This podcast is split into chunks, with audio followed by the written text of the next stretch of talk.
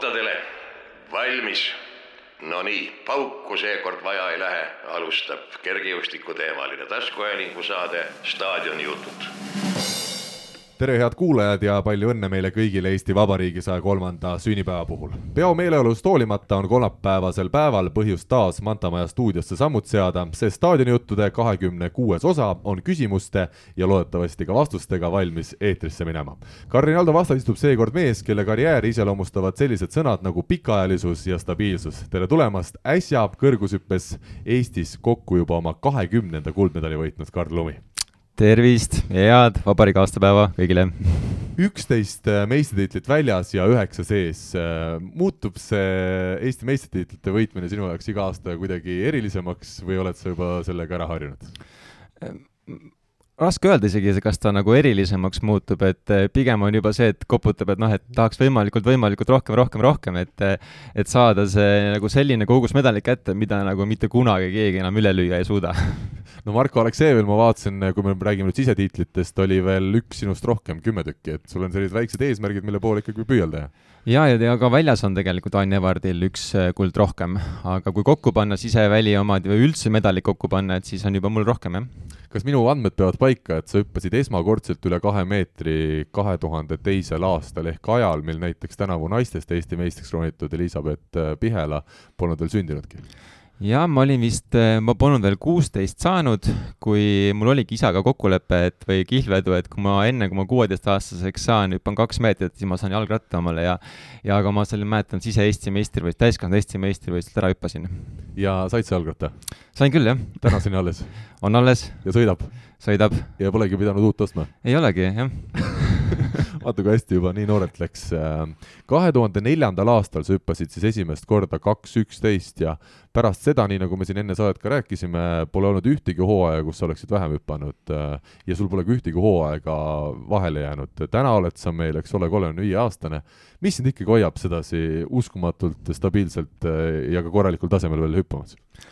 ma ei teagi, äkki võib-olla head geenid on, et hoiavad mind nii-öelda tervena ja eks ma kindlasti ka nagu ise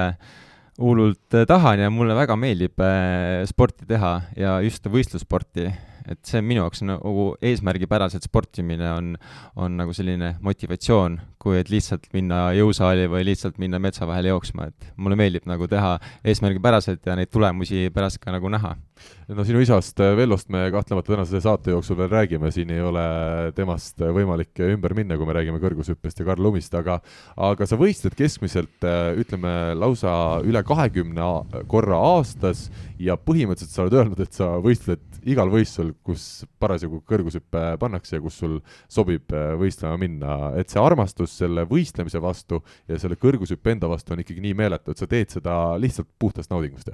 jaa, mulle väga meeldib, vahet pole, mis, kas ma olen valmis või ma ei ole valmis, minu jaoks on nagu võistlus on nagu täielik nauding, et selle nimel ma sporti teengi, et saaks võistelda ja ennast proovile panna. Et see on kõvasti parem, ma suudan ennast ka võistlusel palju parem kokku võtta kui trennis, et selles mõttes on minu jaoks ka võistlus palju parem trenn, et igal juhul tasub minna. Ja jube mõnus on ka, kui kohtunikud sinu eest latti tõstavad, pea ise seda tõstma trennis nii et sa vastasid juba mu järgmisele küsimusele ära, et kas äh, parim treening on võistlus sinu puhul, see vastab kahtlemata tõele, jah? jaa, absoluutselt ähm, aga mis see kõrgushüpe siis on või miks just kõrgushüpe? on ju teisi alasid ka, on ju elus teisi hobisid ka, mida on võimalik teha, aga sa oled jätkuvalt selle ühe asja peale jäänud äh, kindlaks no ma ei tea, kui sa elus oskad midagi ühte asja nii hästi või, või noh, nii väga nagu meeldib see, siis, siis seda nagu tasub teha, et minu jaoks on ikkagi see nagu hobi, et ma teen ka muid asju, et ma harrastan ka muid spordialasid, aga aga see üks asi, mis kuidagi on jäänud ja, ja jube imelik oleks seda päevapealt ka lõpetada, et, et ma teen seda nii kaua, kuni ma saan või tervis lubab, jah no sa oled äh, ju mängimas meil rannavõrkpalli ka oma lõbuks. Äh, kas siis, ütleme tihti on ju nii, et kergejõustiklane, kes tegeleb sellega ikkagi Eesti mõistes tipptasemel, teeb oma ala ja kui ta enam päris rekordkõrgusteni ei küündi, siis mingis eas ta loobub spordist ja ütleme, kergejõustik ei ole ala, mida reeglina tehakse edasi seitsmekümnenda eluaastani, et käib kümnevõistleja ikka kümnevõistlust tegemas, et reeglina minnakse üle mingi pallimänguala peale või mingi muu asja peale. sinul seda mõtet siis ei ole olnud, et ikkagi jätkuvalt kõrgushüpet sa teed kõige rohkem, rohkem kui rannavõrkpalli ja kõiki teisi alasid? jaa, no ma olen mitu korda mõelnud, et kui ma peaks mingil põhjusel jätma kõrgushüppe või kergejõustiku maha, et ma kindlasti tahaks siis hakata võrkpalli mängida vähe tõsisemal tasemel, aga kuna ütleme, võrkpall ikkagist on meeskonnaala ja ja noh, nõuab ikkagi ka vastaseid ja nõuab kellega koos mängida, et see alati see nii-öelda organiseerimine on keerulisem kui üksikalade puhul, et ma lähen trenni siis, kui ma ise tahan ja, ja siis ja teen seda, mida ma ise tahan ja teen seda nii kaua, kui ise tahan, et, et võrkpallis on nagu mingil määral sellised piirangud ees, et aga ma ütlen sulle, et äh, olles ise siin viimase aasta jooksul just päris tõsiselt rannavõrkpalli keskendunud, siis äh, endise kergejõustiklase ehk individuaalala tegijana on see samas päris mõnus tunne, kui sul on väljakul keegi hea sõber just kõrval ja ja see, ütleme, klapp, mis tekib, see annab jälle sellele spordi tegemisele nagu hoopis teise sellise ilme ja on omamoodi väga nauditav mm. -hmm nii et kui sul on rannavõrkpallist paarist vaja, ma tahtsin sinna tüürida oma jutuga, siis äh, anna märku, ma arvan, et me ühe turniiri võiks suvel koos teha küll. jaa, ma vist isegi kirjutasin sulle ka ühe korra, et kuule, davai, et äh, kui, kui on mängija puudu, et äh, võid alati kirjutada, et äh, kuule, mul vaba päev on, ma tulen kindlasti. kusjuures ma annan sulle lubaduse, et äh, lähinädala jooksul ma kindlasti teen seda, sest meil on siin mõned trennid plaanis teha ja, ja kindlasti on meil seal ka võimalik sulle koht leida. no kokku leppinud. Eesti veteranide rekordiomanik oled sa juba ka jah, jah, eelmine aasta siis sai see rekord äh, üle löödud äh, Ramon Kajultaine, kes oli siis kaks null üheksa varem hüpanud. ta küll hüppas natuke vanemana kui mina, aga põhimõtteliselt on see jah, siis kolmekümne viie pluss aastate Eesti rekord, jah. no aga veteran, see kõlab ikkagi minu jaoks vähemalt, kes ma olen täna kakskümmend kaheksa veel kuskil kaugel-kaugel, sina oled kolmkümmend viis, ma vaatan sulle otsa, ega sa kuskilt veel veterani moodi välja ei näe, kas see kuidagi hirmutab sind? Ei, no tegelikult nüüd, nüüd mõtlen küll, et, et ei ole nagu midagi hirmutavat või isegi nagu naljakas mõelda, ma isegi, ma ei, poleks kunagi uskunud, et ma nagu nii kaua sporti teen, minu jaoks on alati nagu sihuke veteranidel nagu sport on selline noh, nagu hobivärk ja, aga noh, juhuslikult ma olen nagu nii-öelda saanud eh, veteranide klassi ja, ja endiselt nagu hüppan hästi, et siis lihtsalt on nagu jälle huvitav fakt jälle, mida nagu välja tuua, et noh, olen veteran, kuigi seda vist väga nagu Eestis ei tunnustata või üldse veteransport on selline nagu pool põrandaalune, aga, aga samas selle noh, jälle äge, inimesed, kes seda teevad sellises vanuses. Mulle tundub, et see veteranide sport on nii nagu mõni teinegi asi, et äh, kui ühiskond ikkagi jõuab oma arengus kaugemale, siis äh, see ala kuidagi kerkib ka rohkem esile, et kui ma vaatan Põhjamaid, seal on ju veteranisport vaatad juba teinekord sama suures pildis kui päris sport, et see kuidagi käib vist ühiskonna arenguga kaasas lihtsalt. Jaa, ega noh, on üksikud näited ka, kus ikkagist ka ütleme, minu vanuses ka kõrgushüppajad ikkagi hüppavad seal ju kaks kolmkümmend neli, isegi nüüd vist see, kes see ukrainlane Krimarenko või nüüd vist seal Torunis eelmine nädal hüppas kaks kolmkümmend neli, ta on vist minust aasta vanem vist isegi, et et ma ei ole küll hetkel maailmas parim veteran, nagu ütleme, kõrgushüppes, aga vist eelmine aasta ma arvan, et ma vähemalt mingi edetabeli põhjal vist olin nagu ka maailma edetabeli juht, et et aga, aga seal vist ongi see, et eelmine aasta oli niisugune teistsugune aasta. Neljakümne aastaste, mis see maailmarekord on, kas sa oled kursis või? Neljakümneaastast no ütleme nelikümmend pluss, kui sa sinna peaks kunagi jõudma uh,? Ma isegi ei oska öelda, ma arvan, et ta jääb sinna kakskümme või sinnakanti. nii et veel üks võimalik potentsiaalne selline eesmärk sulle tulevikuks? jah, maailmarekord ära teha on see tervisele hea ala, kõrgushüpe? raske öelda jälle, noh, ma, nüüd ma nagu ütleme tagantjärgi saan aru, et et ega ta ei ole jah hull nagu tervisele, et tegelikult ei pea seal nii palju pingutama ja seetõttu, kui keha on nagu valmis, sidemed, kõõlused, lihased, kõik on nagu valmis hüppama, siis eh, on väga mõnus asi, mida teha. No väga mõnus on ka sinuga täna siin vestelda, see on juba selgeks saanud selle sissejuhatuse põhjal, ma arvan, et meil on aeg minna tänase esimese märksõna juurde. eeskujud Karl, alustame sellest, et äh, me mõlemad oleme ikkagi Tallinna poisid. kust kandist sa pärit oled? no mina olen sündinud äh, põhimõtteliselt Pelgulinna haigla kõrval, et äh, ja mitte Pelgulinna haigla, Pelgulinna haiglas ikkagist onju, aga el, elasin, aga elasin Pelgulinna haigla kõrval, et, et ei olnudki väga kaugele nagu vaja emal mul minna, et jah, et ma olen sealt Kristiine kandist. ja lapsepõlv möödus siis ka seal? Jah, seitse aastat möödus siis Kristiinas, või tegelikult ütleme kogu ma õp-, käisin koolis ka Pelgulinna gümnaasiumis, et siis kogu mu elu on põhimõtteliselt see kant olnud. milline lapsepõlv see just sportlikus mõttes äh, oli sinu jaoks, sai seal palju maja ees möllata ja oli neid väljundeid piisavalt? E, ja, ja ikka, me ikkagi iga, iga õhtu käisime ikka, mängisime poistega jalgpalli väljas ja, ja, ja et ikkagi jooksime kogu aeg väljas ja noh, suviti et mul on nii-öelda ka siis suvila, kus siis kogu aeg sai nii-öelda hommikul äh, ema viis meid äh, või viis suvilasse ja siis me jooksime seal ja mängisime olümpiamänge ja kõiki asju, et, et väga sportlik kogu aeg olnud, et. normaalne meie aja siis ütleme lapse, lapsepõlv. jaa, absoluutselt, et hoopis teistsugune kui praegu aga oled sa mõelnud ka selle peale, et tänasel päeval jälle, kas ühiskond on nii palju lihtsalt muutunud, et kui meie käisime õhtuti jalgpalli mängimas äh, viis tundi pärast kooli, siis tänasel päeval on lastel võib-olla kõigepealt kaks tundi kunstiringi, siis tuleb vanem äh, järgi ja viib ta kuskile spordihalli, kus ta siis poolteist tundi konkreetse treeneri all teeb mingeid harjutusi. No tundub nii jah, et, et see konkurents on nendel lastel end ikka päris tugevaks, et eh, lapsevanemad ka push ivad ikka. et tundub, et lapsed on nagu lapsevanemate sellised elukindlustused või nagu väljundid oma nagu tegemata jäädud nagu nooruspõlve sportlikud saavutused, et siis üritatakse nagu suunata sinna, jah, täna muidugi võimalusi on ka palju ja see kättesaadavus on hoopis teine, et ja noh, teised alati tahavad ju, et oma laps oleks teisest lapsest ka parem, et siis peadki push ima neid. kui palju, kuidas lastele mõjub, et seda on ju praegu vara öelda, sest eks me näeme seda võib-olla kümne aasta pärast alles. Eelmises saates oli meil Maicel Uibo külas ja mind natuke üllatas see, et vist kuni kuuenda klassini olid tal tunnistusel ainult viied. milline koolipoiss sina olid? Äh, ma olin ka ikkagist ka suhteliselt tubli koolipoiss, mul ikka oli ka neljad-viied, eks mõni kolm võis ka sattuda tunnistusele, aga üldiselt ikkagist äh, olid jah, ikkagi neljad-viied. lemmikained? ma olen pigem reaalinimene, et mulle ikka sellised füüsikat, keemiad ja matemaatikat sobisid äh, paremini kui keeled. selge. Räägime nüüd sinu trennis käimisest siis ka, mis oli esimene trenn, kuhu sa läksid ja, ja millised on mälestused sellest? esimene trenn vist oli mul korvpall,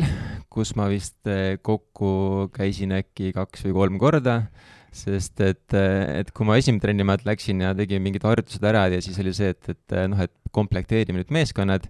ja siis mind kaptenid hakkasid valima ja siis, kui ma seal ütleme viimasena seal rivis seisin ja keegi umbes mind endale ei tahtnud, et siis ma mõtlesin, et hea küll, siia trenni ma rohkem ei tule. Ja siis, siis ma käisin vist natukene ka jalgpallis FC Floras paar trenni aga samamoodi kuidagi ei, ei sümpatiseerinud see lõpuni. aa, ja siis ma olen ka ujumistrennis käinud, et kunagi Kalevi, Kalevi ujulas, kui ta niisugune äh, nõukaaegne välja nägi, et seal sai ujutada, aga aga mul oli mingi väike hirm nagu basseini sügavuse vastu. et ma võisin seal madalas vees nagu ujuda, aga kui vesi läks sügavaks, siis mul oli ikka nagu kerge paanika ja, ja, ja, ja siis, siis ka see kuidagi jäi nagu ära ja see oli hästi kloorine vesi, et ja ma käisin seal, ma käisin siis, kui oli nagu õhtupoole kool, et siis hommikuti hiljuti käisime ujumas, et pärast, kui jõudsid selle kloorise silmadega sinna koolimajja, et noh, siis pigem tahtsid magada, kui et trenni, õppida, õppida midagi ometi tulid koolist peamiselt neljad-viied, aga nagu ma olen aru saanud, kergejõustikuradadele viis sind äh, mõiste kisa, aga tänu sellele, et ehitati Tallinnasse üks tore kergejõustikuhall, mida me täna siis tunneme Tallinna spordihalli nime all. jah, ma ei teagi, mis aasta see nüüd oligi siis, et mingisugune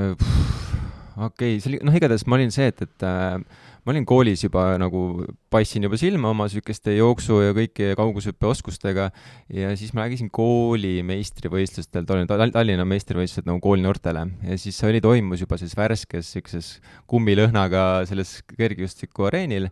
ja kuidagi nagu võitsin kõik alad, mis ma tegin, kas kauguse nelisada, ma ei, kus kuuskümmend, et noh, igal pool võitsin ära nagu ja siis isa vaatas, et kuule, et mis asja, et lähed trenni, et siin pole midagi enam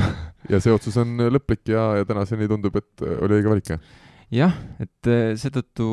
ma arvan, et ongi, et kuna ma algusest peale hakkasin ikkagist nagu võitma kohe, et siis, eh, siis ma arvan, et see ka lapsele nii-öelda jätab niisuguse kustumatu mulje, et sa oledki nagu võitmatu või noh, võidad ja see võitmine kindlasti innustab edasi tegema sporti. tol hetkel sa olid siis üheteistaastane, kui sa kergejõustikuga hakkasid tõsisemalt tegelema? jah, umbes üheteistaastane. aga mitte ei olnud äh, ju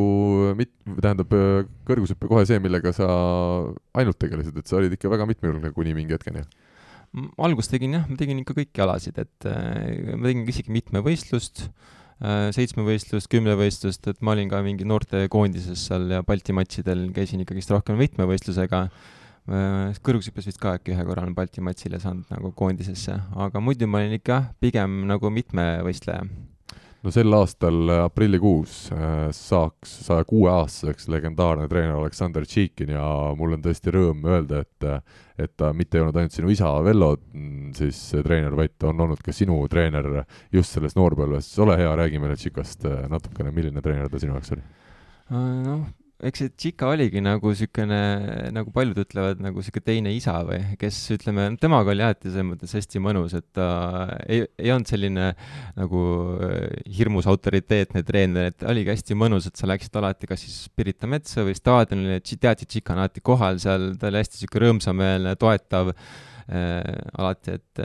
et temaga oli ikka väga rõõm nagu koos sporti teha, et meil oli hästi mõnus niisugune oma punt ka, kes siis koos äh, nagu, keda ta siis koos hoidis ja alati trenni nagu meelitas, et äh, ei olnud selliseid puudujaid ja et tegelikult noh, ütlen, Chica üks suur pluss oligi see, et ta suutis neid noori hoida nii-öelda nii-öelda ilusti trennis käimas. mul on meeles üks äh, intervjuu, mis Tšika siis äh, andis äh, juba kõrges eas olles, kui küsiti, et kuidas ta veel seal üheksakümne-aastasena kergejõustikuhallis sportlasi juhendada suudab, ta ütles, et mis te räägite, et Ameerikas on üha rohkem saja-aastaseid, kes läbivad maratoni.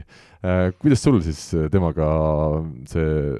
see suhe oli, kui ta oli juba ikkagi kõrges vanuses, jätkuvalt ta jagas asja ja ja nägi, mida tuleks teha paremini ja teistmoodi ja, ja oskas õpetada küll? Jah, natuke juba hakkab nagu vaikselt ähmastuma, kuidas, kuidas see täpselt oli seal, aga, aga ta nagu jah, ütles, et noh, väga tubli ja innustas pigem. see, mis on lapsele kõige tähtsam tegelikult. see ongi tähtsam jah, et kui sa ikkagist lähed, hüppad kõrgust üksinda või siis sul keegi kõrval, ütleb, oh, see oli hea hüpe või et oh, näed, nüüd ajasid maha, aga noh, ei ole hullu, et proovi uuesti nii, nagu ennem tegid, üle hüppasid, et, et see oli nagu ikkagist palju olulisem, et et ma olen nagu ikka spordi mõttes nagu hästi iseseisvaks kasvanud ka just tänu ka Tšikale, et, et, et hakanud nagu rohkem nagu ise nagu analüüsima iseennast ja mõtlema, et et treeneri roll seal kõrval oli pigem, ongi sihuke innustav ja toetav lihtsalt see on vist sinusuguse sportlase jaoks, kes sa oled just Tšeikini käe all ka ise treeninud äh,, ikkagi lahe, et kui sa lähed sinna Tallinna kergejõustikuhalli, kus sinugi sportlaste ees sai alguse, siis seal Tšeikin jätkuvalt vaatab ja, ja stopper on, on tal käes. jah, eks ikka vaatad sinna pilgu sinna tribüüni peale ja mõtled, noh, olid lahedad ajad just jälle saateks valmistudes äh,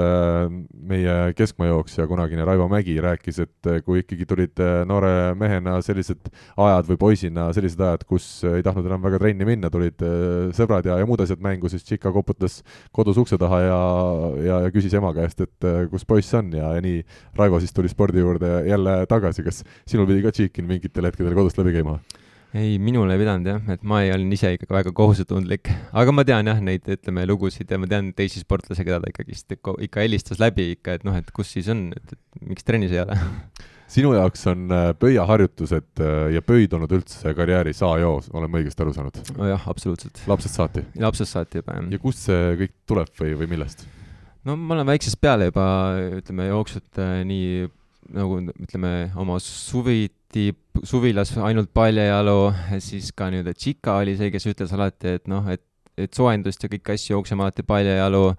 Eh, mu enda isa on, noh, tema on ka nii-öelda Tšika kolmkonnast pärit, oli see, kes alati, et kõiki asju paljajalu, paljajalu, et, et nii-öelda, ega tollal ei olnud ka ju mingeid normaalseid tossega asju, et paljajalu oligi mugavam ja ma arvan, et see ongi ühtepidi nagu minu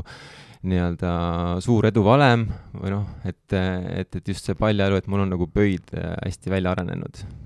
räägime kõrgushüppest ka selles suhtes, et millal esimest korda sa ikkagi tundsid, et kõrgushüpe on nüüd lõplikult sinu ala ja, ja sa hakkad sellele keskenduma ainult ja ainult?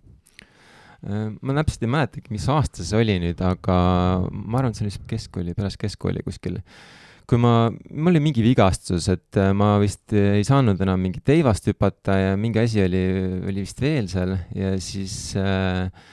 ja siis oligi see, et, et ma okei okay,, lõpetan mitmevõistluse ära, aga kuna mul oli mitmevõistlus sees, oli kõrgushüpe hea ala, et siis mõtlesin, okei okay,, et hakkan kõrgust hüppama. Ja mul tuli kuidagi see noorena nagu hästi välja ka, et ma seal mingi hetk hüppasin, see oli kaksteist ja kolmteist ja niimoodi, et siis, siis ma tundsin, et okei okay,, et siit võib nagu veel kuskile nagu edasi minna, et proovida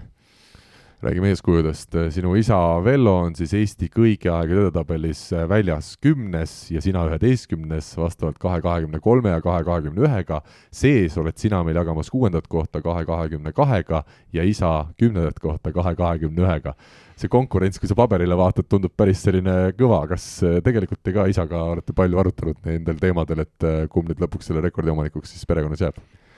No eks see on jah, see nii-öelda vana teema juba, et, et eks mul on see terve elu olnud see soov ikkagist nagu isa rekordi kaks kakskümmend kolm ikkagist hüpata, et noh, see siserekord jah, et ma, ma isegi tegelikult päris pikka aega ei teadnudki, palju mul isa nagu rekord on ja siis kuskil kuulsin juhuslikult, et ma olen tast parem, sees nagu parem, aga aga kuidagi mulle see rahuldust ei paku, et, et see ikkagist kaks kakskümmend kolm on see, mis, mis, mille üle hüppamine oleks nagu täielik nagu minu jaoks nagu superõnnestumine, et sinu isa võistluse ajal, mil TikToki veel kõikidest hüpetest ja, ja trennidest äh, mingeid videoid ei laetud, keegi tantsusamme ei teinud äh, ja neid sõpradele seda sel moel ei näidanud. Äh, kas sa oled isa hüppamas näinud video pealt? ise oma silmaga ei ole mitte kunagi, millest on väga kahju. ma olen näinud ühte videot kunagi ETV-s, vist on üks video, kus Kadrioru staadion hüpatud mingi kas kaks kümme või kaks viisteist ja niisugune mustvalge video on, et ühte videot ma olen näinud, et kunagi, kui TV10 olümpiast stardis,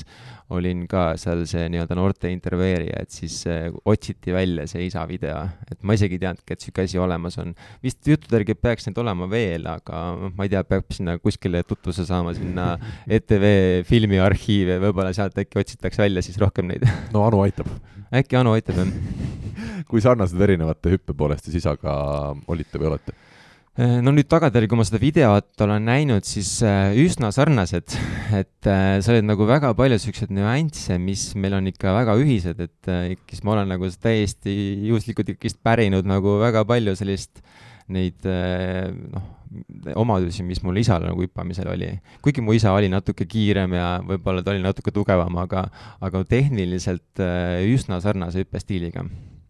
kas temal sinu ees või sinul tema ees ka mingeid niisuguseid väga konkreetseid eeliseid äh, kõrgushüppena oli või on? Äh, noh, mu isa oligi natuke nagu vast kiirem ja võib-olla ka natuke nagu tugevam, aga noh, aeg oli nagu jälle, jälle nagu teine, et äh, hüpatigi rohkem selle pealt või? Vot täpselt ongi raske, tegelikult noh, tingimused olid kindlasti ju kehvemad tol ajal, aga, aga jah, ütleme kuidagi tollal, ütleme, see spordikonkurents ja kergejõustikus ja kõrgushüppes konkurents oli ikkagist nagu tugevam ja, ja see viib ka edasi. Ja, ja eks võib-olla isa oli võib-olla natukene tal kuidagi füüsiliselt oli ka võib-olla mingil määral nagu natuke nagu parem, et ma ei tea, kas ütleme, minul on ka nagu seda emageeni rohkem sees, et et, et, et isal oli jah, nagu ütleme, kõrgushüppaja kohta, ma arvan, et mu isa oleks võib-olla, oleks võinud vabalt hüpata kaks kolmkümmend ka, et lihtsalt tal see, ütleme, ülikooli ajal see suur trauma, mis ta sai võrkpallis, et kui tal üks mingi võrkpallu vastasmängija tuli võrgud läbi ja ta kukkus oma hüppeliigese kõik pooleks sinna, et, et ma arvan, seda tõi talle ka olümpiale minema, et jäi tegelik tulemus nagu tegemata, et pärast seda hüppas veel kakskümmend kolm, et et aga noh, selles mõttes potentsiaali ma usun isegi tal oli ikkagist, ikkagist rohkem kui mul. seda, kas ka sina kunagi oleks võinud kaks kolmkümmend hüpata ja millised su sihid siin äh, veel lähiaastateks on, äh, me jõuame rääkida järgnevate märksõnade all, aga tuleme nüüd sinu koduste konkurentide juurde, kuna nagu öeldud, sa oled sisuliselt kakskümmend aastat meil Eesti kõrgushüppe tipus olnud, siis millised on su esimesed mälestused Eesti kõrgushüppe konkurentidest, kes olid sellised äh, esimesed nimed, kes, kes sul seal kõrgemaid või paremaid medaleid noppisid, kui sa alustasid? Äh, no kui ma räägin päris noorteklassist, et äh, noh, siis olid seal jah, ütleme minust, ütleme aasta vanemad poisid, äh, seal mingi Tõnu Kikerpuu ja, ja kes seal siis kõik praegu ei tulegi. aga meesteklassis? aga meesteklassis, no meesteklassis olid ikkagist Oleksejev ja Piirimets, et äh, need olid nii-öelda, ütleme, teisest äh, klassist, kui mina nii-öelda spordiga hakkasin tõsisemalt kõrgust hüppama, et äh, noh, teadsin, et noh, nendele ikkagist veel nagu sinna tasemele ei küündi, aga noh, eesmärk on vähemalt olemas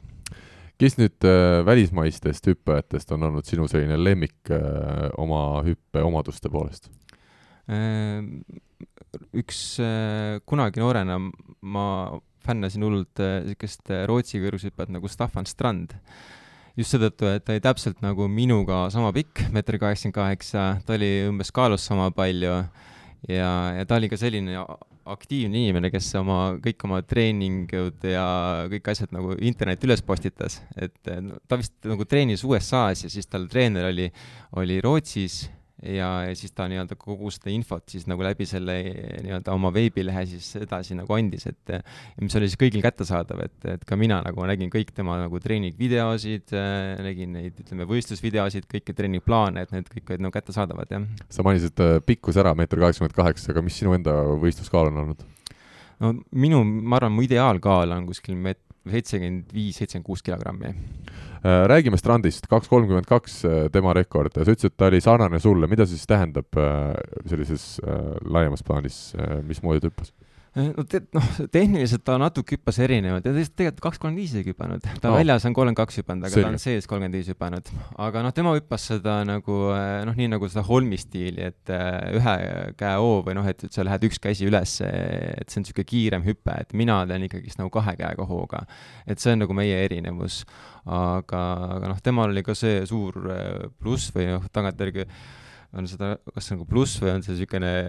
tema nii-öelda keha iseärasus, et ta olid nagu lühikesed Achilleuse kõõlused, et mis te, ta nagu kõndis ka niimoodi kogu aeg nagu pöia peal, pöia peal, sest ta tegelikult, ta vist ei saanudki kõndida nagu normaalselt nagu kanna peal. ja noh, tal oligi nagu pöid hästi tugev ja see oli ka hästi terav tal, et see teda ka hästi viskas. kas see on äh, geenides kinni või? milline pöid inimesel on? Või see on ikkagi paljuski lapsepõlvest? ma arvan, see on ikkagi väga palju arendatav jah, et eh, ega tegelikult me lapsed sünnime kõik samasuguste pöidladega, lihtsalt et võimalikult varakult seda nagu arendama hakata on hästi oluline. Javier Sotomayor, maailmarekordi mees tänase päevani, eh, kas sa oskad öelda, mis temast tegi erilise mehe ja, ja miks siis tema nimel jätkuvalt see maailma kõrgushüppe rekord on?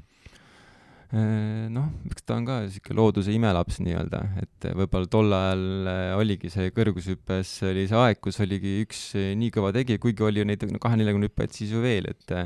aga noh, tema oli nagu ideaalse kehaehitusega, selline lühike ülakeha, pikad jalad, suhteliselt kerge, no ta oli ka ikkagi suhteliselt kiire ja ikkagist väga tugev ja nad hüppasid kuueteistaastaselt kaks kolmkümmend kolm, mis on vist siiamaani nagu nende juunioride või U kaks, U kaheksateist vist maailmarekord. et no kui sa nii noorelt juba hüppad nagu nii palju, noh siis seda ei ole võimalik ka kuidagimoodi nagu mingi süstemaatilise treeninguga saavutada, et sa pead olema ikka loomulik talent, et kas kõrgushüpe sinu jaoks äh, on ikkagi ala, mida sa, ütleme, tiitlivõistlustel vaatad õhtul sedasi äh, pitsa kõrvale ja võib-olla Ehm, veini kõrvale, nagu, nagu mõni vaatab Tõnis Niinemetsa mingit ühe mehe show'd, et, et see on puhas selline nauding, kus sa, kus sa jälgid seda asja ja sa saad aru sellest asjast ja see on nii ilus kõik jaa, minu arust on kõrgushüpe on kõige ilusam kergejõustikala, et ma jah, vaatan, ütleme, Youtube'i videosid päris tihti, et kui kuskil ikka mingi võistlused on, siis ma ikkagist vaatan järgi need hüppamised. Stefan Holmist ma ei tahaks ka täna mööda minna, meeter kaheksakümmend üks äh, oli tema pikkus ja, ja Rootsi siis ka kõrgushüppe legendiga on tegu. see, kuidas tema ikkagi põrkas ja ja hüppas, see oli ka eriline, mul on siiamaani meeles üks video ka vist, mida Youtube'is siiamaani saab vaadata, kuidas ta teeb neid tõkkehüppeid äh, trennis. ja no ütleme ausalt, et tema need tõkkehüppe kõrgus on, äh, on ilmselt kõr-, parem oli kui minul kõrgushüppe rekord meeter kaheksakümmend, et äh, kuidagi see põrge oli ikkagi meeletu,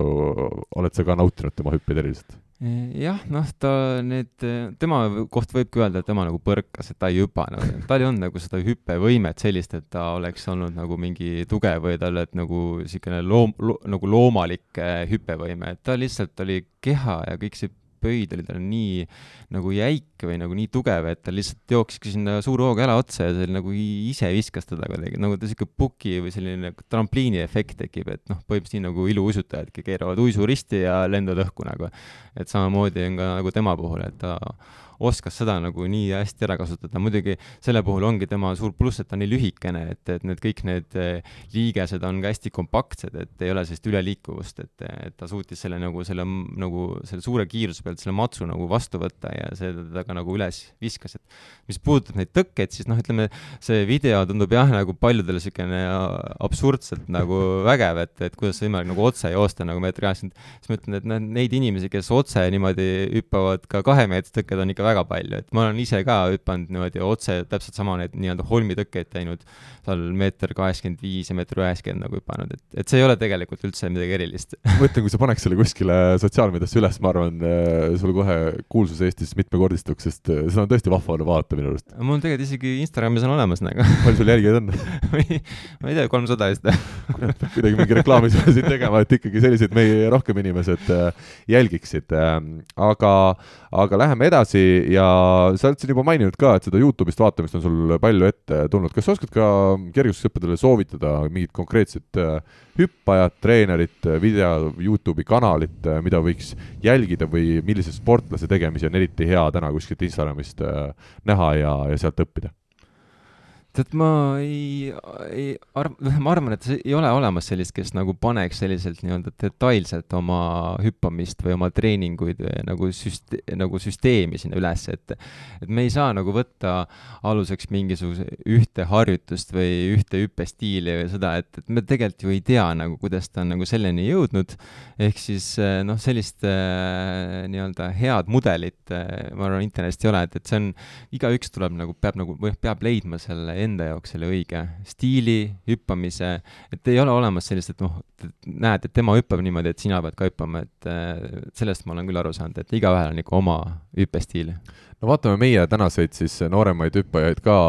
kui me võtame siin meestest kahekümne ühe aastane Hendrik Lillemets, tänavu siis hüppas kaks kümme ja kahekümne kolme aastane Kristjan Tahvenau kaks null seitse, aga rekordid vist on mõlemal ka natukene kõvemad sa oled mõlema nende poisi nõuandja, vastab tõele? jah yeah.. kuidas see nõuandmine välja näeb, päris treener sa siis ei ole, kes igapäevaselt kõrval oleks või? mul ei ole jah, päris seda aega, et olla nagu sada protsenti nagu treener, aga, aga ma jah, nõustan neid nii palju, kui nemad ise soovivad ja, ja nii palju, kui ma ise nagu näen, et võiks nagu paremini teha nende puhul, et et minu jaoks ikkagist nagu sportlane peab nagu hästi palju iseseisvalt nagu arenema, iseseisvalt aru saama, kuidas peab nagu hüppama, et see on nagu nii tunnetuslik ala, et ei saa öelda, et tee nii või tee naa, et, et sa võid anda nagu mingi proovi nii, on ju, et ja kui sportlane saab aru, et op, et see nagu töötab, et siis äh, nagu seda kasutada või sa kasutad treeninguski, et kui ikka mingi asi näiteks ka ei tööta, on ju, et noh, siis selle viskame välja, et ei ole mõtet nagu, et kui kellegi puhul see töötab, siis äh, noh äh,, palju õnne talle, on ju, aga kui, kui see jälle sama mudel teise puhul ei tööta, et siis, siis no, ei ole mõtet ka suruda, et ma samamoodi võtan ka nende puhul, et pigem olen nagu selline nõustaja, et äh, ma ei kirjuta nendele ette nagu tulevikku, ehk siis noh, minu jaoks on nagu treeningplaan kui selline pikaajaline perspekt-, nagu niisugune pikaajaline nagu plaan on nagu tuleviku ette ennustamine, aga ükski plaan tegelikult äh, ei ole võimalik sada protsenti kunagi täita. ma saan nagu neid suunata, ma saan nagu öelda, et mida me nagu ütleme, makrotasandil ehk siis nagu suures pildis tahame nagu ära teha, mis trennid meil on, peab ära tegema, et, et jõuda mingile tasemele või mingi võistluse ettevalmistuseni, aga üldiselt peab nagu sportlane ise sellest nagu aru saama, et, et, et mis tema puhul nagu töötab ja mis ei tööta. Ole iseloomusta ka paari sõnaga mõlemat siis äh, spordimeest, Hendrik Lillemets on meie mitmevõistleja Risto Lillemetsa noorem vend, milline tema potentsiaal on, mis tema selline iseloomustuv, iseloomustav, äh, iseloomustavad märksõnad võiksid olla? Äh, noh, äh, Lillemets on, ütleme, ta on päris tugev tegelikult, et tema nagu jõunäitajad ja kõik selline koordinatsioon on nagu päris, päris hea.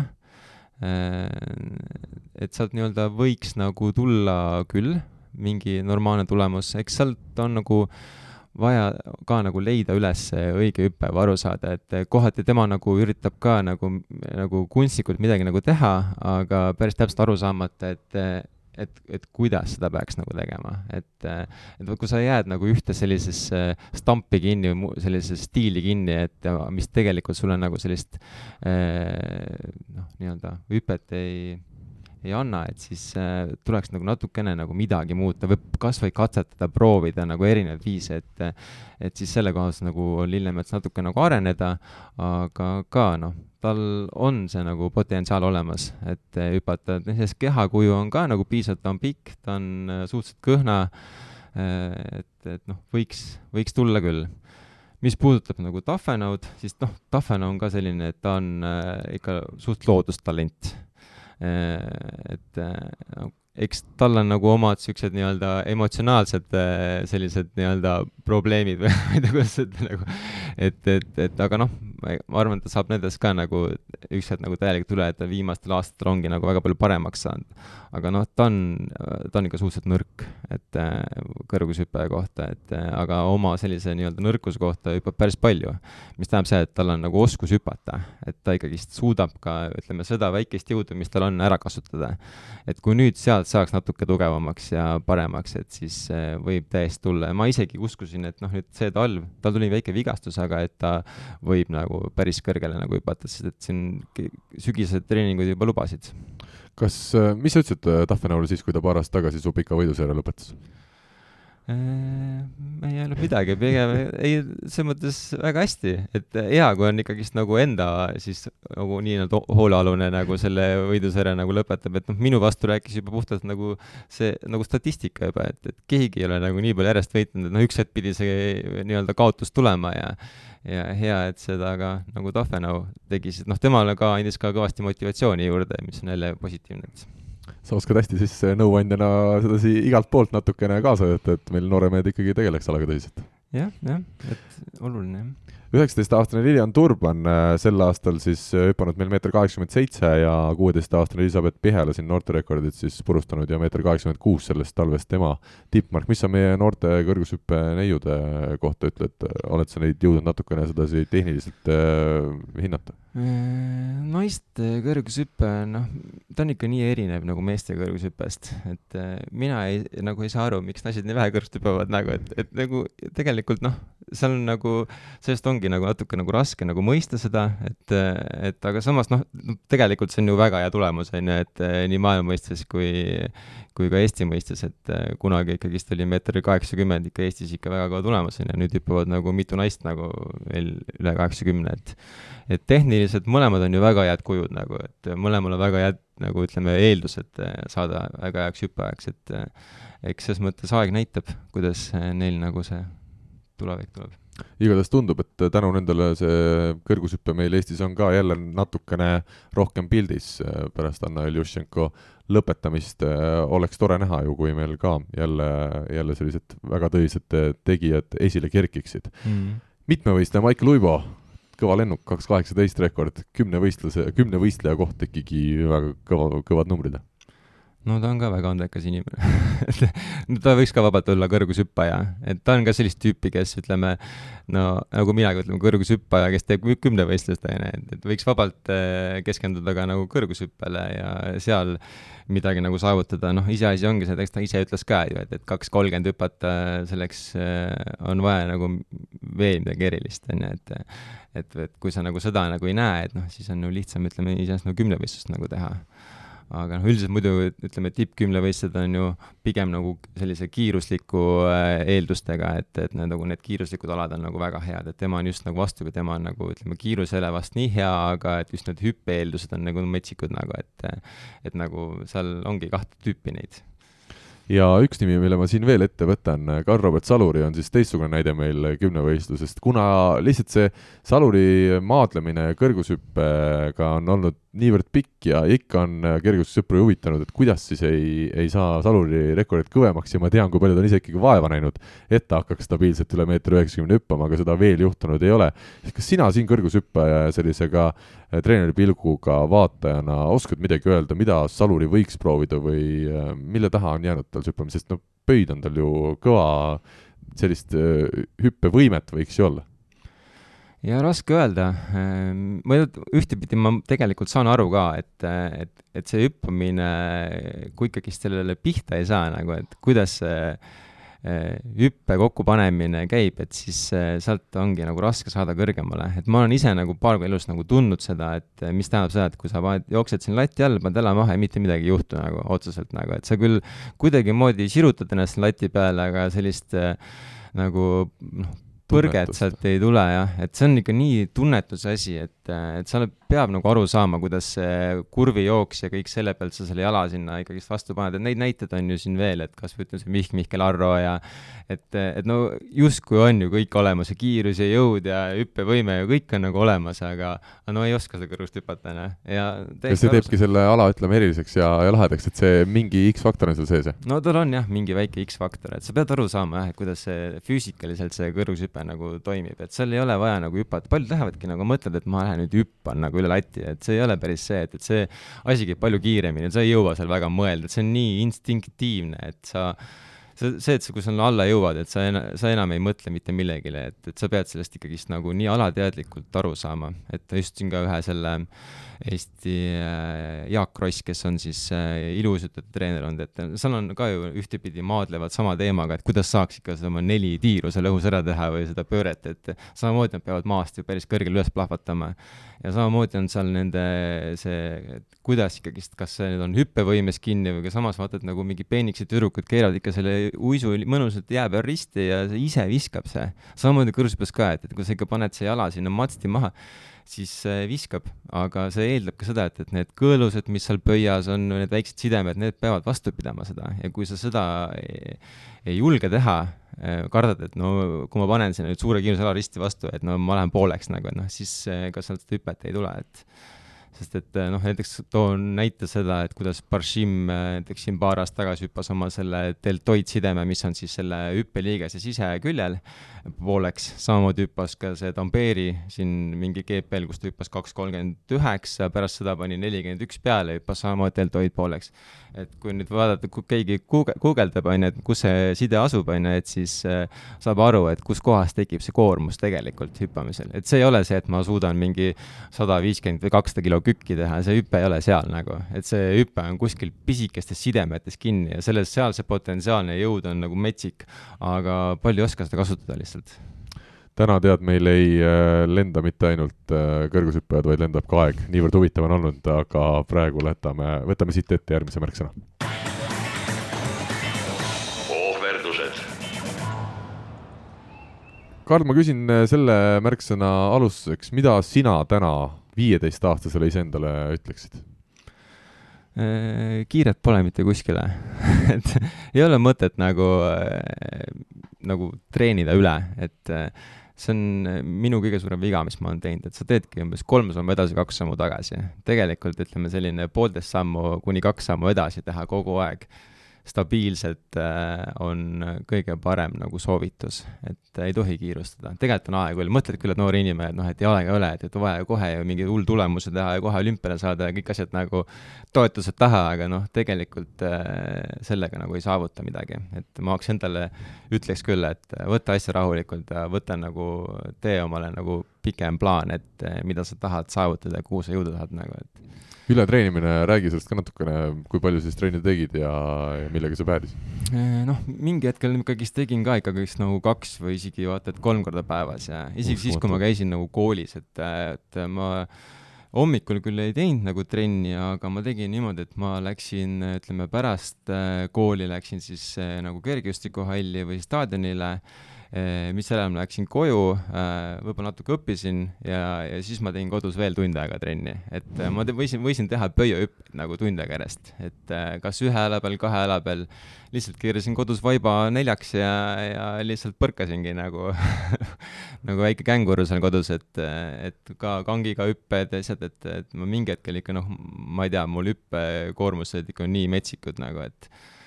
aga mulle tundub, et kas mitte just seepärast, et sa oled teinud teistest rohkem trenni, sa täna oledki jätkuvalt nii hea või, või sa ikkagi ütled, oleks sa natukene mõistlikumalt teinud mingis eas, siis oleks täna veel parem? Äh, jah, kindlasti oleks saanud mõistlikumalt teha, et äh, jah, et see, et ma ka no väiksena palju hüppeid tegin, et äh, kindlasti see andis nagu niisuguse eelduse nagu, et mul nii-öelda see hüppeliigesed arenesid või noh, pöied arenesid nii hästi nagu välja, et aga jah, palju oleks saanud, ma ikkagi sain ka siukseid ikkagi traumasid, et äh, mul küll on, osad traumad on sellised nagu puhtalt õnnetused, et keegi jalgpallis lihtsalt lõi vastu põlve ja või siis äh, koolis äh, köie pealt alla ronides äh, kukkusin köie otsa peale ja murdsin jalaluu ära ja uh. et aga, aga nii-öelda äh, on ka siukseid nii-öelda puhtalt ka sellised lihtsalt ülekoormusest tekkinud vigastusi, et no kui me ohverdusest räägime, kas sina nimetad seda, kui sa õhtul trenni lähed, äh, selle asemel, et äh, elukaaslase või, või sõbraga minna kinno, kas sa nimetad seda ohverduseks või on see pigem olnud sinu õnn? et mis asi, et et sa, sa oled saanud kergejõustikutrenni minna õhtuti, siis kui tavainimene teeb midagi teistsugust? See ei ole jah ohverdus, et see on ikkagist mul hobi, et see, millega ma nagu, mulle meeldib tegeleda, et samamoodi on tavainimene, kes läheb samamoodi, et ta ju, sul peab olema mingi selline teine eesmärk ka siin elus, kui et lihtsalt äh, oma nii-öelda siis elukaaslasega kinos käimine, et, et see on nagu, see on su enda pisikene eesmärk, et mille nimel nagu töötada, et, et minu jaoks ei ole ohverdus, see on, see on ju fun. kuidas kooli ja tööd on sinu näitel olnud äh, võimalik ühendada treenimisega ja tõsiselt treenimisega? Kool ja töö, sa mõtled siis nagu töötamine ja koolis käimine? just. no äh, ütleme, keskkooli siis ma ei töötanud, ülikooli ajal ma käi-, õppisin kaugõppes õnneks, et siis, äh, siis sai seda päris edukalt nagu ühendada, et see on niisugune sessid, kus sul seitse päeva käid koolis ainult ja siis on sul kaks kuud nagu käid tööl jälle, et et seda saab päris edukalt nagu ka kõigega ühendada, et nii kool kui töö kui ka kui ka sport, et aga noh, eks seal ikkagist on kakskümmend neli tundi nagu päevas, et, et see päris nagu tavarütmis seda kindlasti nagu teha ei saaks aga noh, minul on see kuidagi õnnestunud, et mul on nagu kõik nii töö kui ka kool kui ka sport on kuidagi nagu hästi, kuidagi kokku klappinud hästi. mida sa ülikoolis äh, õppisid? ehitus, ehitust, ehitusinsener. ja mis töö peal sa meil täna oled? täna ma olen ettevõtja, jah, et sa võid vabalt meile rääkida, hea meelega kuulame ka, natuke muidugi tean ka, millega sa tegeled, aga ma arvan, et on ka kuulajaid, kes võib-olla veel ei tea. jah, et äh, ma hetkel olen siis äh, mitu ettevõtet äh,, et ütleme, võib-olla inimesed teavad rohkem, on siis, millega ma tegelen, nagu medpoint.ee, siis on ka fivefingers.ee äh,, siis on äh,, on mul üks niisugune äh, suurem tegevus on ka IT-ettevõtlus, et äh, arendame erinevaid äh, nii-öelda süsteeme, veebilehti, mis ongi ühtlemidi niisugune üks nagu suurimaid mul, et et kui nagu Medpoint on niisugune pooleldi nagu niisugune hobi, siis kus ütleme, niisugune lõbus töötada, siis ütleme, niisugune IT-ettevõtlus on nagu vähe niisugune keerulisem ja probleeme rohkem ja aga ka nagu nii-öelda tulusam. kuidas sa jõuad seda kõike? Ma ei tea, kes see jõuab. Aga põhimõtteliselt su päevad siis äh, hõlmavadki endas töö tegemist, erinevate ettevõtete edasiviimist ja, ja siis mõni üksik treening, ma saan aru, mahub nädalas jätkuvalt ka sinna sisse? jah, no nüüd ongi jah see, et, et väga palju ikkagist nõuab see töö tegemine nagu äh, aega, et, et aga noh, sport on jälle niisugune mahalaadimise koht, et, et ma käin ikkagist jah, ütleme kord või kaks nädalas käin nagu tõsisemalt treenimas ja siis äh, vähematel, või ütleme teistel päevadel siis teen kergemalt natukene, kas siis kodus või, või jõuan ka mõnda jõusaali natukene liigutama ennast. kas see, et sa ikkagi nii vähe teed sellist tõsist trenni nädalas, tähendab, et on loomulik, kui su need tulemused iga aastaga lähevad kehvemaks või sa oled leidnud enda jaoks mingisuguse mudeli, millega hoida oma seda vormi? See mudel on jah, mul nüüd välja kujunenud juba viimase, ütleme, nelja-viie aastaga, et kuidas nagu edasi liikuda ja et noh, põhi, ütleme, kui sa nagu seda natuke avaldada, et siis äh, minu põhiplaan näeb välja selles, et, et aastas äh, maksimaalselt ma võin teha nagu sada trenni, et kui me võtame kolmsada päeva või kolmsada kuuskümmend viis päeva, et sellist, siis äh, sada trenni ma pean tegema sellised, mis äh, reaalselt ka nagu arendavad, mis on nagu väga nagu ütleme, sellised tugevad, sa pead nagu metsikult kokku võtma ennast, sa pead nagu nii vaimselt kui füüsiliselt nagu väga tugevalt pingutama. et ja siis ülejäänud eh, kakssada kuuskümmend viis päeva ma siis nii-öelda taastun ja valmistun nendeks sajaks päevaks et, et ma ütlengi, et inimene ei ole võimeline väga palju üle saja trenni aastas nagu sellist pingutust nagu tegema, ehk siis aga see pingutus on see, mis nagu reaalselt arendab sind. et sa lähed ja võtad kokku ennast, et kui ma teeksin seda trenni nagu mingisugune seitse päeva järjest, et siis ma tõenäoliselt eh, see sajas päevas kasutaksin ära need nii-öelda seitse päeva, siis ma tean, et nüüd mul tuleb siis kakskümmend üks päeva puhkuspäeva, sest ma olen kas vigane või muud moodi haige või lihtsalt noh, ma ei tea, et seetõttu noh, targalt tulebki nagu teha, et minu jaoks see mudel nagu töötab väga hästi no nii, mul oli täna pärast saadet plaanis minna trenni tegema, aga kuna ma juba olen siin viimase kolme päeva jooksul teinud neli trenni, siis ma tõsiselt mõtlen selle, selle plaani üle pärast neid sõnu. aga palju sa no, tavaelu oled saanud nautida, kuna meil on siin natukene selline märksõna hetkel, kus me ei pea ainult kõrgushüppest rääkima, siis, siis on sul jäänud aega ka, ütleme, muudeks asjadeks? Eks, eks ikka on jah, et eh, kodus vaja teha, et eh, tööd päris palju, pere ikka nõuab oma aja ja et väike laps ka ja et eh, ikka, ikkagist jätkub ja nii vanematele ja kõigele, et, et ikkagist ja sõpradega vahepeal saad kokku ja et on ikka tavaelu ka ikka päris palju seda on rõõm kuulda, Karl. kaks tuhat üheksateist oli see aasta, kui sul siis tütar sündis, mis nimeks sai? Laureen kas äh, Laureen on, on tulevane Eesti naiskõrgushüppaja? no tõenäoliselt esimene naine, kes kaks kakskümmend hüppab, jah kolmandat põlve kõrgushüpe, no ei saa olla ju nagu, et kui ütleme, minu geenid, ütleme isa poolt võib-olla ei, sada protsenti üle ei pärandatud, on ju, et siis äkki nagu naisliini pidi see liigub paremini, on ju, et, et siis äh, nii-öelda kolmandat põlve siis risti pidi nagu minev nagu naissportlasele pärandatavad geenid äkki on paremad, et vähemalt praegu on küll näha, et, et ta juba nii väiksena ikkagist juba põrkab, põrkab päris hästi saate alguses sai räägitud sellest, et vanemad realiseerivad oma tegemata jäänud asju laste peal siin on naljaga pooleks juba üks näide meil täna stuudios ka, jah? ja, ja ma kõik panustan kõige ainult tema peale nüüd ei, kui tähtis on sinu elus olnud elukaaslase roll? No ikka väga tähtis, et, et ütleme, mul on ikka väga vedanud oma elukaaslasega, et kes igatpidi nagu mind toetab, nagu absoluutselt nagu igatpidi, et et selles mõttes ma ei kujuta ette, et noh, et ma, et ma teeks nagu sporti kui veel, et kui mul ei oleks nagu teda, et see, et Veronika on siis nimi, jah. seda on rõõm kuulata. palju see tütresünd sind äh, ennast inimesena muutis? Äh, kindlasti muutis selles mõttes äh, paremaks, tasakaalukamaks, nagu väärtushinnangud lähevad hoopis teise kohta, et kui ennem oled nagu enda elu ja enda tegemist on nagu kõige tähtsamad, et siis üks hetk on sul nagu paratamatult kellegi teise elu tähtsam. Ja, ja ma arvan, et see on ka nüüd nii-öelda niisugune hästi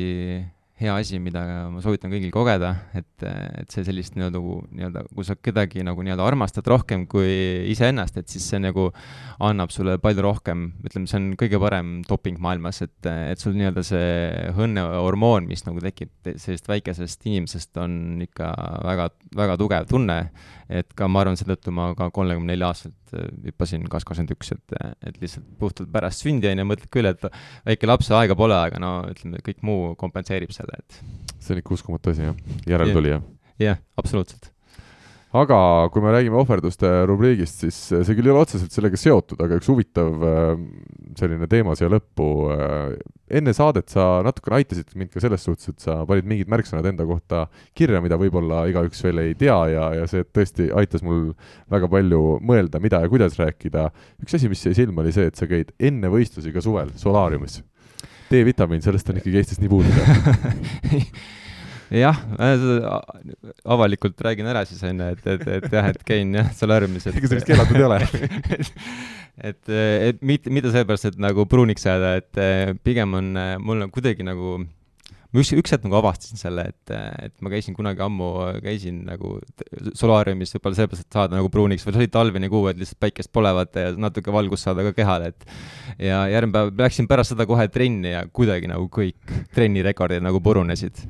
ja, ja siis mõtlesingi, et äkki kuidagi aitabki vaata see päikese või see UV-kiirgus, mis sealt solaariumist tuleb, et aitab nagu ka nagu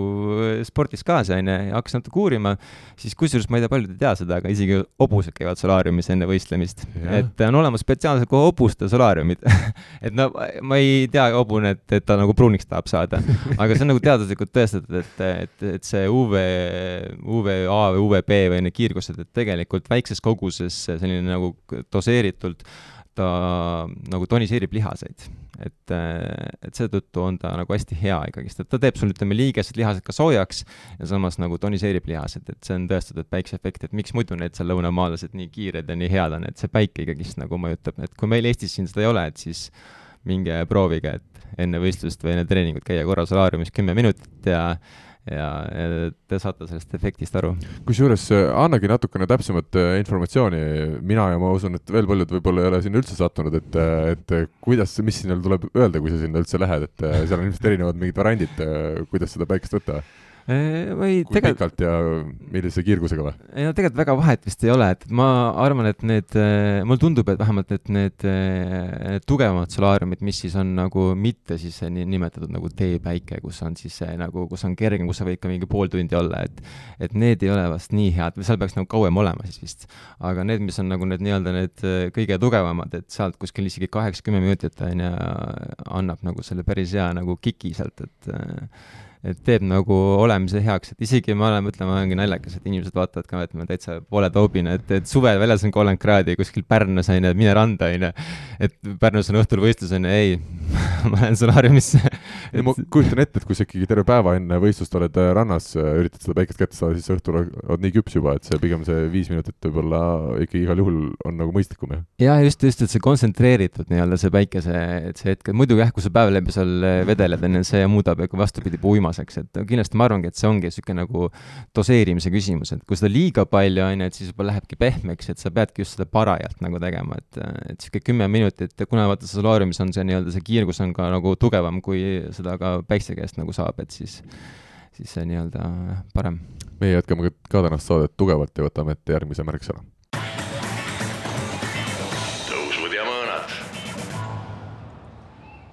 sinu karjääri selline suurem äh, muutus, sa oled ise öelnud, tuli kahe tuhande kaheksandal aastal, kui alustasid koostööd äh, meile kõigile hästi teada-tuntud, ütleme siis mitmevõistleja kõrgushüppaja Ramon Kajuga. ole hea, räägi natuke sellest koostööst ja, ja miks sul siis hakkasid asjad paremini välja tulema? Äh, jah, kaks tuhat kaheksa aasta ma suvel ise hüppasin vist äh, kaks kuusteist, äh, pärast hüppasin ka seal sügise poole kuskil seal mitmes, kaks kaheksateist ja siis ma mõtlesingi, et okei okay,, et, et võib-olla mul endal ikka mõistusest jääb väheks, et oleks vaja nagu mingit abi ja ja ma noh, ma teadsin, noh, Ramoniga olin ka nagu varem nagu suhelnud ja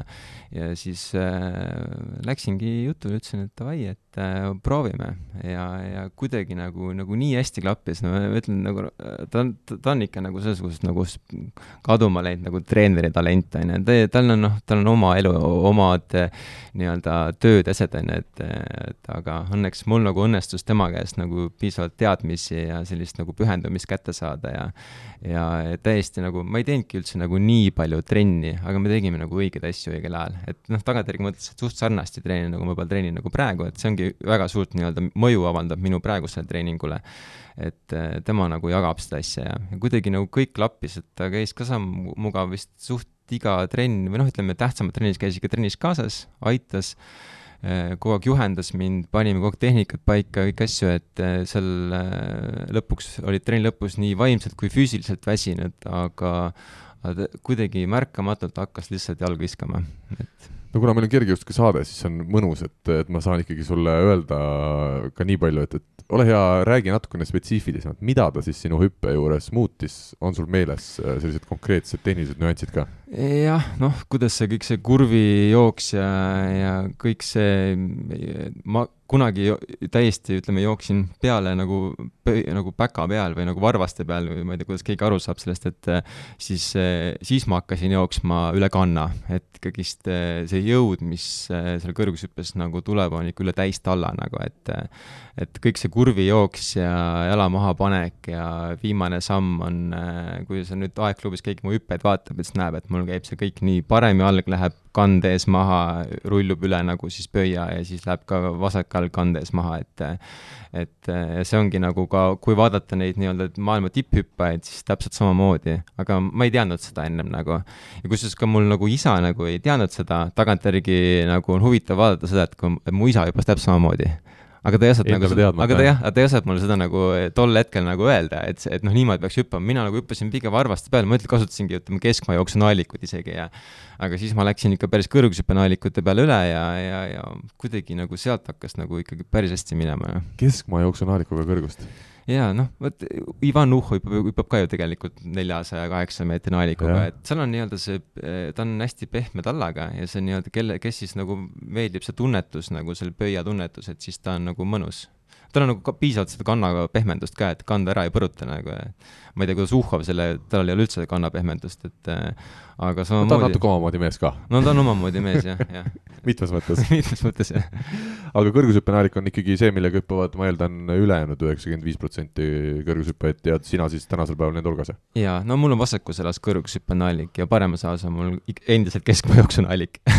et põhjus on hästi lihtne see, et kõrgushüppenaalikul on see äh, päka osa on kuskilt äh, üks sentimeeter maast üles tõstetud, siis keskmaajooksunaalikul on äh, pöiaosa on, on niisugune kaks-kolm millimeetrit pakk kaks ainult. mis tähendab seda, et mul tekib kerge puki efekt, ehk siis mul nagu justkui nagu vasak jalg on pikem kui parem jalg mm.. et see on sama hea, kui keegi tunneb seda, et kui ta paneb väikse kummimati, paned sinna kõrgushüppe tõuke kohale maha, et sul ikkagist viskab paremini nagu. et sama on ka minul, et kas sa lased siis natuke rohkem paremale põlvest või nagu jalast alla ja saad selle puki efekti või sul on see nii-öelda üks või see seitse-kaheksa millimeetrit veel lisaks seal mis on nüüd sinu senise karjääri tipphetkeks olnud? kaks tuhat kaksteist Helsingi EM, äh, seal sa siis äh, võistlesid, aga aga kas sa ise pead ka seda oma selliseks kõige tähelepanuväärsemaks võistluseks? tegelikult ei pea jah, ma küll sain sinna võistlema ja, ja tegelikult ol, valmistusin ka sellele nagu nii hästi, kui sain, et kuigi ma samal aastal ka tegelikult töötasin seal Helsingi olümpiastaadionil, ma töötasin seal ütleme kaks nädalat enne seda, ma küll sain enne võistlust minna kolmeks päevaks kohe koju, kuna oli ka jaanipäev, et siis see toimus võistlus pärast jaanipäeva, et siis jaanipäeva sain kodus nagu ka puhata sellest töötamisest aga jah, ma natukene nii-öelda ütleme, ma ei tea, kas öelda, kas nagu põlesin läbi või lihtsalt nagu mõtlesin ennast üle, et ma hullult üritasin kaalust alla saada, ma olin küll tegelikult väga hea, väga tugev, aga ma olin isegi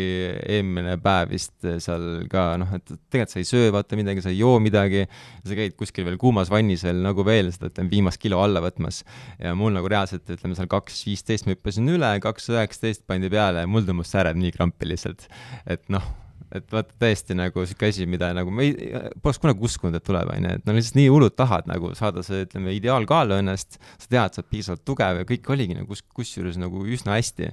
aga just sealt telekas ka kommenteeriti, et eh, kui ma sealt mati pealt tulin ja kõndisin nagu kandade peal nagu sinna tagasi pingi peale, siis ütled, ei tea, kas nüüd vigastas vist onju, mul olid sääred nii krampis lihtsalt nagu, et lihtsalt see, et ma olin nagu täielikult nagu vedeliku puuduses ja kõiges selles nagu, et eh, ja ei saanudki nagu selles mõttes oma tulemus seal nagu tehtud, et kuigi ma usun, et kui oleks natukene nagu teadlikumalt võib-olla seda kaalulangetust teinud või mineraalainet tarbinud nagu enne võistlust rohkem, et võib-olla oleks nagu läinud palju paremini. Mida sa siis ise oma kõige paremaks võistluseks või selliseks lahedamaks võistluseks pead täna? ma arvan, et isegi vist äh, võiks nimetada nüüd kolmekümne nelja aastat õpetatud Horvaatias, kui ma õppisin kaks kakskümmend üks, kui ma siis Euroopa karikal nii-öelda siis teise koha et kindlasti ma olin nagu heas vormis siis ja jalgviskes ja see, ma just naudin nagu seda, et kui see tu-, lennutunnet nagu, et, et sa paned jala maha ja sa tunned, kuidas maapind alt kaob ja sa nagu lendad ja vaatad ja naudid seda kõike, et see ei ole selline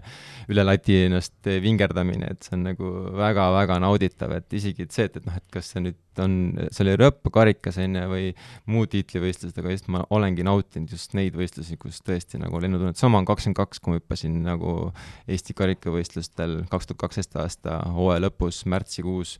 samamoodi, lihtsalt see, see tunne, kuidas sa paned jala maha ja kuidas lihtsalt kõik nagu, nagu toimib nagu, mitte kuskilt ei valuta, sul nagu tunned, kus lihtsalt kõik nagu, jalg töötab nagu nii efektiivselt ja viskamised lihtsalt nagu nii kõrgele, et vot see, see on nagu, mille nimel nagu tasub sporti teha, jah. nagu iseenesest kõik toimib? jaa, jaa. ei peagi pingutama, väga lihtsalt tuleb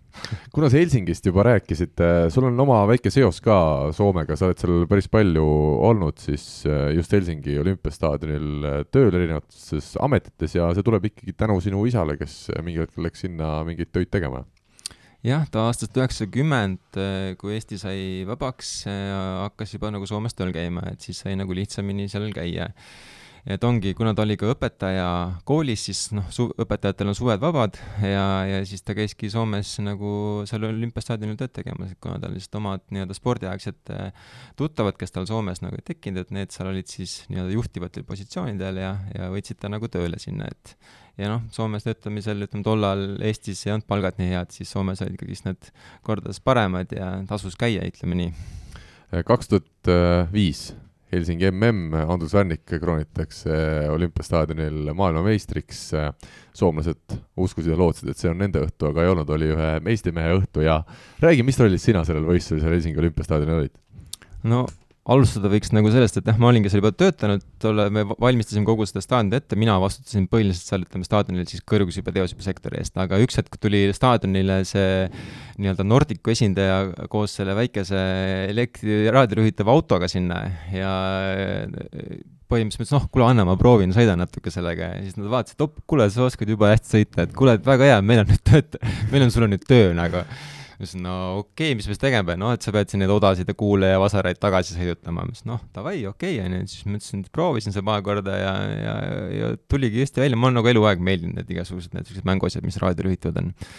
ja, ja siis ma seal, ütleme siis Värniku võistluse ajal ähm, olingi, sõidasin odasid tagasi ja jälgisin samal ajal võistlust, ise ma istusin tribüüni peal tegelikult seal. ja kui äh, siis vaatasin, et okei okay,, nüüd on vist Värnik võistlenud ja siis mul, minu ees istusid mingi Eesti fännid, lehvitasid väikest puidust Eesti lipukest ja, ja siis ma mõtlesin, et kuule, kas ma võin lipu laenata, et ma panen sinna alla selle auto külge selle siis fännid ütlesid, muidugi võta, onju, mine. jooksin kähku alla sinna, võtsin selle nii-öelda antenni sealt august välja ja see lipp sobitus sinna antenni auku nagu ideaalselt lihtsalt, ta oli nagu väike presidendi auto nagu ja siis sõitsingi sellega seal äh, staadionil lihtsalt auringe tegin. ja see minu arust kuskil tele, telekaamerate ette jäi ka ikkagi. ja, ja seda nagu filmiti ja, ja ma ütlen, ma sain ikka seal nagu nii kuulsaks, kuna see, ütleme, see kogu see üldse see nagu elektriauto või sellise nagu raadiojuhitava autoga odade tagasitoomine oli suhteliselt uus maailmas üldse nagu ütleme, M-idel seda vist esimest korda üldse kasutati või noh, või äkki varem oli ka kuskil kasutada, aga aga suht uus asi ja, ja siis see nii-öelda tundus nagu kõigile nii-öelda selline unelmatöö, et ma olin isegi Soome Soome ajal ja siis ma käisin Soome raadios rääkimas äh, Eesti jah? ja, ja et Soome, ma andsin Soomes nagu ikka päris mitu intervjuud ja küsiti, noh, kuidas siis see töö on ja mis endast kujutab ja on ikka tore ja et seal nii palju räägitigi, et noh, mingid need lapsed, kes seal staadioni peal, need nagu, nad ei jälginud võistlust, nad vaatasid, kuidas see auto nagu sõidab nagu seal. Et ma seal samamoodi tegin trikke siis kaheksaseid ja piruette ja ringe ja ja siis äh, neid äh, ütleme seal, kui kiirendad hästi kiiresti, tõstad noka üles niimoodi ja ja siis ühe korra ma mäletan, ma tegin vist mingi pirueti ja siis auto tegi kukerpalli nagu. Ja sa kuuled, kuidas terve staadion nagu kohiseb nagu ahahahah, vaata selline, et, et sa saad aru, kui, kui palju tähelepanu tegelikult see auto nagu saab, et siis ja mina seal märkamatult nagu lihtsalt äh, nii-öelda siis seda tribüüni pealt nagu juhtisin, et põhimõtteliselt see auto ja, ja sina olite nagu maskoti, maskotist veel üks aste nagu kõrgemal meelelahutusobjektina. jah, jah, jah, see oligi jah, täiesti uskumatu, kui palju sellega sai ka tähelepanu, see vist Õhtulehes on ka vist päris pikk artikkel selle kohta, aga saab Andrus, otsida. nii et Andrus teab äh, ise ka, et äh, see oda, mis talle kätte toodi, oli alati sinu poolt tulnud. Va-, vast äkki teab, kui ta on seda Õhtulehte lugenud minul tuleb meelde, et kaks tuhat neliteist ma käisin oma esimesel äh, Euroopa meistrivõistlustel siis äh, Zürichis äh, ajakirjanikuna ja seal oli hästi äge oli samamoodi just see maskott, kes hüppas teivast, no ta oli ilmselgelt kergejõustiklane, kellele lihtsalt pandud see maskoti siis riietus selga. ja tõesti see, kuidas ka minusugust inimest, keda ma ei pea ennast nagu kõige spordikaugemaks inimeseks, ma ikkagi olin asjaga suhteliselt hästi kursis, isegi nende kirjutiste vahepeal või Eesti sportlaste ja tippsportlaste, teistest tippsportlaste jälgimise vahepeal oli alati tore vaadata, mida maskott nüüd teeb, see oli kuidagi väga hästi, oli iga päev läbi mõeldud, ta võttis mingid uued asjad ette ja tõesti see publik sel hetkel, kui just parasjagu võib-olla ükski huvitav ala ei käinud mm, -hmm. väga hästi ta selle aja täitis ja minu arust on just meelelahutusliku poole pealt on see maskoti roll tegelikult äh, ka tiitlivõistlustel äärmiselt suur, et me seda võib-olla ei teadvusta nii palju, aga, aga tegelikult see mängib suurt rolli. Jaa, no täiesti märkamatult, kuidas lastele läheb see korda nagu, et me tegelikult, me ei saagi sellest aru, vaata, üldiselt täiskasvanud inimesed ei mõtle niimoodi, nagu lapsed mõtlevad, et äh, peakski küsima nagu laste käest ka nagu ütleme, seda tagasisidet, et mis teile nagu meeldiks siin võistlusel, et te tahaks tulla siia, on ju, noh, siis ütlevadki sulle, et noh, maskott meeldib ja see mingi paki limonaad meeldib ja noh, et, et need asjad on nagu olulised, jah. aga kui sa ütlesid, sa käisid Soome raadios lausa rääkimas, siis ma saan aru, et me võisime puhua täna va- vaikkapa suomeksi. no voime. nii et see on sul tulnud äh, aastatega külge, see soome keel? Jah, vot algus oli raske nagu, aga lõpuks äh, õpib ära jah, kui sa ikkagi seal nagu töötad, et, äh, et ma sain nagu selles mõttes, ma olin ka keskkonnas, kus ütleme, küll isaga sain rääkida eesti keeles, aga teiste töötajatega pidi rääkima ikka soome keeles, et et küll nagu alguses nagu segamini inglise keelega, aga lõpuks vaatad, et noh, et soome keel on ka juba nagu üsna lihtne, ta on üsna sarnane vaata eesti keelele, kuigi teatud sõnad on nagu erinevad ja võib-olla eesti keeles hakkad nagu rääkima, tähendused on nagu teised, aga, aga, aga kui, kui ikkagi seda hakkad nagu vaikselt nagu hakkab mõikama, siis tuleb üsna kiiresti lihtsalt, jah. Tuleme natukene selle põhiteema juurde tagasi, milleks meil täna on ikkagi kõrgushüpe ja sind lahutab Eesti rekordist, Marko Turbani nimele kuuluvast Eesti rekordist kaheksa sentimeetrit, tema siis hüppas meil kaks kolmkümmend. tavainimesele, kes spordist midagi ei tea, võib see tunduda täiesti olematu vahena, kui sa vaatad kaheksa sentimeetrit, paned siin näppude vahele kas või no ei tundu mingi suur vahe, et tee natuke rohkem trenni ja tule, tuleb ära mm.. kergejõustikuinimesed ilmselt saavad paremini aru, et tegelikult on see, on see ikkagi märkimisväärne vahe, kuidas, kuidas sina sellesse suhtud, kaheksa sentimeetrit kõrgushüppes edasi minna, on see mingi müstiline maa või? noh jah, ütleme sa- sealt see kaheksakümmend tundub jah väike, aga ütleme sinna, et, et jõuda sinna nagu distantsini, kus see on kaheksa sentimeetrit, et see on nagu väga pikk maa, et et sealt, kui, kui suudaks nagu stabiilselt hüpata sihuke kaks kakskümmend kaks, kaks kakskümmend viis on ju, et siis võib äkki juhtuda, et sa hüppad kaks kolmkümmend ka, see tähendab seda, et sa saad tegelikult selle hüppele pihta, sest et ka mina olen saanud nagu mõnel hüppel pihta nagu lihtsalt kahjuks on kõrgus madalam olnud, on ju, et kõrgushüppes on see nagu miinuspool, et sa võid teha mingi väga hea hüppe, aga no latt oli kakskümne peal, aga sina võib-olla hüppasid kaks kolmkümmend, on ju, et et siis, siis mõtled, noh, et see ei ole nagu eh, midagi ületamatut, psühholoogiliselt on jah raske, et sul ikkagi pannakse tulemus ette ja ütled, et no nii, et nüüd on Eesti rekord peal, nüüd sa pead selle üle hüppama aga, aga teisipidi jälle, kui sul nagu sellele ei mõtle ja, või selle, sellest nagu üle oled, et siis eh, piisab lihtsalt ühest õnnestunud päevast, õnnestunud eh, hüppest, et, et see võib täiesti vabalt, täiesti mitte, mitte kusagilt nagu tulla. Mis sinu siis selline eesmärk või unistus veel praegu kõrgushüppena on? no üks, üks eesmärk on kindlasti ikkagist isa rekord üle hüpata, et kaks kakskümmend neli on ju hüpata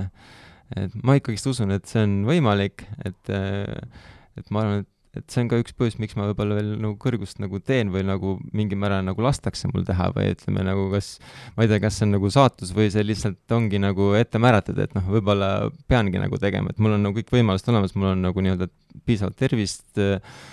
kõik võimalused nii ütleme, kas siis nagu rahaliselt, äh, pereliselt, kõigesse nagu, et teha nagu sporti veel, et, et ma ikkagi teen seda ikkagist eesmärgipäraselt, et, et vähemalt nagu peab olema see nagu kõrgem eesmärk, et see kaks kakskümmend neli ikkagist hüpata, et vähem mul, vähem tulemus nagu ei paku enam pinget nagu. nii et see, jätkuvalt teeme selle kindlaks, et, et sa teed kaks korda nädalas trenni, kui ma sinuga Eesti meistrivõistlustel siin äh, rääkisin äh, mõned päevad tagasi, siis mulle tundus, et see tähendab, et sa oled asja jätnud äh, sedasi katki või, või teed seda tõesti sõna otseses mõttes oma lõbuks, et see ei tähenda sugugi mitte seda, see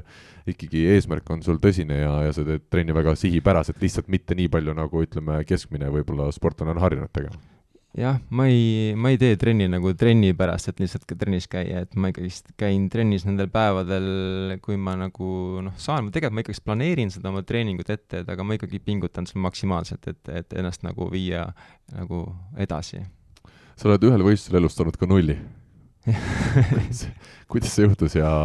ja mis mälestused sul sellest võistlusest? ma olin päris noor siis ja mäletan, ma sõitsin, või tähendab, see oli Rukkile mängud Kuressaares ja, ja ma hüppasin seal vist teempäev Teivast, vihma sadas, Teivas ma ei mäleta, kas sain teise või kolmanda koha. järgmine päev oli kõrgushüpe, mis on siis minu põhiala, on ju, et suur lootus ikkagist ikka pika puu kõik ära võita. ja mäletan, mul veel isa sõitis ka veel hommikul varakult, sõitis autoga Tallinnast Kuressaare kohale. suht sihuke sombune ilm oli nagu ja ma võtsin algkõrguse meeter seitsekümmend ja ma ei saanud sellest üle nagu me lihtsalt sõitsime isaga vaikimisi terve tee tagasi kummalgi ei olnud väga jututöö, jah? ei olnud jah, et aga selline mälestus tagantjärele on tore, mida rääkida ja ma arvan, et täna on jah, juba yeah. nagu naerul, kui sellest ainsast eksimusest rääkida, aga, aga kokkuvõttes nulli saamine kõrgushüppes siis sinu jaoks mingi teema ei ole olnud, jah? Pole kunagi jah, nagu seda olnud, et ma nüüd algkõrgusest üle ei saa, et äh, ikkagist nagu teadvustan oma hetke taset, et mis on kõige erilisem äh, selline võistluskoht või ilmastikuolud, kus sa oled võistelnud, tuleb sul kohe meelde midagi ekstreemset oma karjäärist? ma olen, vist kõige ekstreemsem oli tõesti, kui oli see nüüd mõni aasta tagasi oli Iirimaal oli äh, Euroopa karikavõistlused ja, ja siis seal oligi nagu noh, ikkagist ma ei mäleta, kas kümme või viisteist kraadi oli õhutemperatuur ja no ikka väga kõva tuul oli, nii et, et see latt ei püsinud ikka seal üldse peal, et need kohtunikud nagu hoidsid selle hetkeni, kuni hüppaja nagu hüppe tegi, nagu hoidsid latis kinni ja, ja sadas nagu vihma ka nagu metsikult nagu, et noh, nagu täielik ikka, no ma ei tea nagu, mis võistlus, ma hüppasin vist lõpuks kaks kümme seal, aga noh, see oli ikka kõige hullem asi, mis üldse saad, sa tuled sealt mati pealt, saad läbi märg, sul on väga külm, sa paned ennast nagu, pakid ennast nii riidesse. Ja siis seal tekkisid ka mingid errorid, aeti segamini, kes hüppab, kes ei hüppa ja vot see oli ikkagist nagu päris äh, huvitav kogemus nagu, ütleme ilmastikuolude tõttu küll jah. mulle ei meeldi üldse tegelikult suvel kõrvust hüpata nagu, et see ongi täpselt just seetõttu, et äh, kunagi ei tea, kunagi ei tea, jah. võid olla üliheas vormis, aga kui sul ikkagi ilmastikuolud ei ole tänaseks päevaks sinuga koostööd tegemas, siis on äh, see hea vorm ei mängi midagi. täpselt, täpselt just. sisehooaeg on nagu väga hea, et andke ainult, et võiks ka aasta läbi teha seesvõistlusi nagu. ma olen, ütleme, et ühe Estikat ma ju ka tegelikult hea vormiga Kadrioru staadionil hüppasin kaks kümme üle ja hakkas padukat tulema, no niimoodi, et sul oli nagu viis senti oli maapind vee all nagu ja öeldi, et rohkem hüpata ei saa, mis mõttes nagu, ma olin, ma olen eluvormis nagu. Oligi, no ei saanudki rohkem. Uskumatu. Äh, üks huvitav asi siia veel vahele, enne võistlust jood äh, veini soojendusel. Jah, ma ütleme oma rekordi kaks kakskümmend kaks ja siin kaks kakskümmend ja mitu korda ma olen hüpanud äh, ikkagi see, et ma võtan niisuguse paar-kolm-neli lonksu nagu veini sest et kui ma sellest piisab tõesti, jah? jah, ta võtab nagu siukse ikkagi selle sellise närvi maha nagu, et korra nagu lõõgastab keha ära ikkagist, et sest et äh, kui sa tead, et sa oled nagu väga heas vormis, siis sa mõtled nagu ära palun riku ära, sa vaimselt hakkad nagu iseennast nagu survestama, et, et sa tead, et no nüüd sa oled eluvormis, sa pead minema hüppama, onju, ja sa paned omale siuksed pinged peale ja sa lähed ja värised seal lihtsalt nagu. ja siis ongi see, et, et noh, võtadki selle väikse pudeli omale, valad veini sinna sisse ja, ja enne lihtsalt mitte isegi enne soojendust, vaid nagu pärast soojendust, kui sa lähed sinna platsi peale, võtad selle paar lonksu ära ja see nagu võtab nagu täiesti selle närvi ära. et äh, üli, ülimõnus nagu ja ma olengi nagu sealt rekordit hüpanud, et, et kui ikkagist oled nagu heas vormis, siis äh, sa paned iseendale väga suure pressure'i peale see on hästi huvitav, ma ütlen siin saates, ma ise õpin ka väga palju asju, muidugi me ei propageeri siin alkoholi tarvitamist keset võistlusi, aga selline siis väga mõistlikkus, eks ole, koguses tõesti ta annab sellise efekti, millest on sportlasel kasu. jah, no siis jah, mõni lapsepõlv kuulab siin ja vaatab, et näed, et emme, näe emme, vaata siin Karl Lumi joob veini siin, miks ma ei või juua see ma, pole selle mõttega jah. see ei ole, kindlasti mitte selle mõtte, ma olen hästi korralik, ma pole kunagi nagu ütleme, ei suitsu proovinud, ma ei ole kunagi nagu ka alkoholi joonud, et, et nagu pärast purju, et ma olen selles mõttes ülikorralik olnud nagu. lihtsalt nagu teadlikult jood seda, ütleme, ta on nagu ikkagist ainukene nagu lubatud, või noh, mis lubatud või nagu kergejõustikus lubatakse vist alkoholi juua, on ju, ikkagist, et see ei anna nagu, ei anna tulemusele kaasa mm. -hmm väga, väga, väga huvitav äh, igatahes oli seda teada saada. mis su selline suurim mõõn on olnud seni karjääris äh,? no kas seesama ületreenimise periood lihtsalt laiemalt või on sul mingi konkreetne hetk, mil sa teadsid, et oh, see oli nüüd küll keeruline hetk? Äh, keerulisi hetki no on jah, nagu siukseid üksikud on nagu palju olnud, et kus äh, on mingid vigastused ikkagist nii seganud tervet nagu hooaja ettevalmistust, et noh, mingid üheks võistluseks või paariks võistluseks olen ikkagi saanud ennast nagu piisavalt nagu vormi, et ka oma Eesti meistritiitel ära võtta või, või mingi see, aga nagu terve aasta on ikkagist nagu sihuke kannatuste rada olnud, et äh, mõõnaperiood, aga nüüd kasvõi ütleme nüüd see eelmine aasta oli mul, kuna ma olin kevadel, olin noh, neli nädalat antibiootikumide peal, mingi täiesti mingi suvaline haigus, ma ei teagi, kust ma seda sain, ei olnud mingisugune seesamune koroona, aga aga samamoodi mingi köha ja mingid ja nagu ja tekkiski lihtsalt see, et ma olingi sunnitud sööma nii palju antibiootikume ja kus see võttis ikka jala alt ära nagu, ma olin ikka täiesti naudis nagu, ma ei suutnud mitte midagi, ma ei suutnud trennis ka meeter seitsmekümnest üle hüpata, sellest ma ütlengi, ma saan aru, miks siin Karl ei, või see Salur ei vaata, ei suuda hüpata, no ei olegi, ei suudagi ja. hüpata noh, jalg ei viska noh. et ma olingi trennis nagu täiesti, tundus kui nutune, et justkui jooksed peale peale kõike teed, hüppad jala maha ja mitte midagi ei juhtu nagu. et nagu tunned nagu ennast nagu halvatud või nagu ei suuda hüpata ja siis noh, siis sellest me ütleme, sellest ma kosusin ikkagist ütleme neli-viis kuud nagu, et ikka päris karm oli. see oli kõige suurem mõõn vast mu elus siis mis on kõige keerulisem sinu jaoks sportlasena? Kaalus püsimine või? Äh, vot jah, ühtepidi nüüd vist on küll jah, et see kaalu hoidmine ja kaalus püsimine on äh, üks, üks ütleme raskemaid asju, ma tean, et kui tähtis see ütleme kõrgushüppaja jaoks on ikkagist äh, seal ideaalkaalus olla kogu aeg aastaringselt, et mitte ainult nagu võistlusteks alla võtta, on ju. et, et see ikkagist vähendab kordades seda vigastuse riski, see on äh, nii-öelda igas mõttes nagu tehniliste nüansside tõttu hästi oluline, et sa oma keha tunnetad oma täpselt sellises kaalus, nagu ta on, et aga jah, mida vanemaks saad, seda rohkem sa saad aru, et, et, et no ei õnnestu see, et sa võid neli nädalat äh, jänesetoitu süüa ja sa vaatad, et üks kilo läks alla, no siis tuleb küll siuke masendus peale nagu, et mida ma siis teen nagu, et et noh, siis ongi see, et variant ongi see, et noh, üldse ei söö mitte midagi, noh, et lihtsalt mul ongi variant, et kas on gaas põhjas või gaas maas nagu, et et või pidur põhjas, et, et siis ma olengi vahepeal noh, ma ei söögi mitte midagi lihtsalt, et võib-olla joongi vett ainult ja söön mõned kuiviku ära ja võtangi alust alla. minu, mul on nagu õnnestunud see, et ma suudan nagu võistlusteel nädal aega nagu väga rangelt nagu seda kinni pidada sellest ja ma võtangi võib-olla nädal aega viis kilo alla, mis ongi see efekt, et ma olengi nagu üks hetk nagu lihtsalt nii palju parem, et kui sa ikka viskad selle viiekilose ketta oma nagu keha pealt maha, siis äh, ongi väga kerge olla ja väga hea hüpata nagu nii, aga räägi nüüd, mul on selline, ütleme, kümnekilone ketas praegu peal ja, ja suvel rannavalle hooaeg tuleb, Eesti karikavõistlused ootavad ees. sinu siis puhas soovitus on see lihtsalt, et äh, siin ei olegi muud, kui ennast kõvasti pitsutada? Nojah, tuleb jah, lihtsalt ennast väga konkreetselt ikkagist nagu plaan paika panna või ma ei tea, kas ma nagu kaloreid eh, sul lugeda soovitan, aga see tekitab ka stressi, vaata, igasugune stress viib sporditulemused ja kõik muu asja nagu alla, et et teisipidi lihtsalt tulebki teadlikult hakata, ma ei tea, lihtsam on, eh, ma ütlen, nagu rohkem trenni teha, kui vähem süüa, onju. absoluutselt, seda ma olen ka aru saanud, jah. aga samas on see, et jälle, kui sul võistlused tulevad, siis sa ei saa nagu jälle nii palju trenni teha, noh, sa pead hakkama nagu toitumist nagu mõtlema, onju. et ega sa naudid nauding ei ole üks hetk jah, et sa lihtsalt tangid ennast, et sa lihtsalt söödki nagu mingit äh, lihtsalt kõhu täiteks mingit salatit ja valku ja asju, et et ja pead leidma omal tegevust, et noh, mul ongi see, et, et ma lihtsalt otsingi nagu siis väga palju tegevust, et mitte lihtsalt kodus külmkapi juures võimalikult kaugele, et uskumatu, uskumatu, milleks kõigeks peab olema üks sportlane võimeline. Euroopa mängud kaks tuhat üheksateist Valgevenes on ikkagi selle peal ka veel korra peatuks, et üks katse kogu võistlusega jah, sa saad ühe katse ühe sportlase vastu, et äh, kokku sa, ma sain nagu kolm katset, aga eri, kolme Aa. erineva sportlasega. ehk siis on see, et, et sa nagu tegelikult lähed, ütled seal kohtunikul, sosistad kõrva, et äh, pane kaks kümme. siis see, siis see teine sportlane läheb ja sosistab kõrva, et eh, ma panen kaks viisteist. see on lasteaed ju. jah, ja siis sa lähed ja siis sa saadki teada, et okei okay,, et mina panin kaks viisteist, onju, kui tema jääb maha ja sina hüppad üle, noh, et siis sina võidad, onju. Aga noh, ja siis ongi see taktika nagu hästi nagu sihuke hull, et siis ma võitsingi just ühte seda Rumeenia kõrgushüppajat, eh, seda, et kes siis, tema arvas, et mina panen kaks kümme, aga ma panin, ja ta pani kaks üksteist, aga mina arvasin, et tema arvab, et mina panen kaks kümme ja tema kaks, mina panin kaks kaksteist ehk siis ma võitsin ta, tema hüppas üle, mina hüppasin ka üle nagu, et oh, hästi oh. sihuke taktikaline, et aga noh, ma ütlen, et see on, see on täiesti absurd, aga nagu väga, väga huvitav kogemus, et, et sa lähed nagu platsi peale, sul on üks katse, see on su põhi, sa võid panna ka kohe nagu oma rekordi peale sinna, tegelikult ma olingi tollal väga heas vormis, et ma tahaks panna tegelikult rekordi peale, et vahet pole, et saan nulli, sest noh, meil ütleme, Eesti koondis ei olnud nagunii sel tasemel, et ma oleks nagu kuskile saanud seal mingi finaalidesse, et oleks võinudki proovida nagu tegelikult. Mm.. hea võistlus oli tegelikult hea, niisugune ilm oli hea ja kõik see, see staadion seal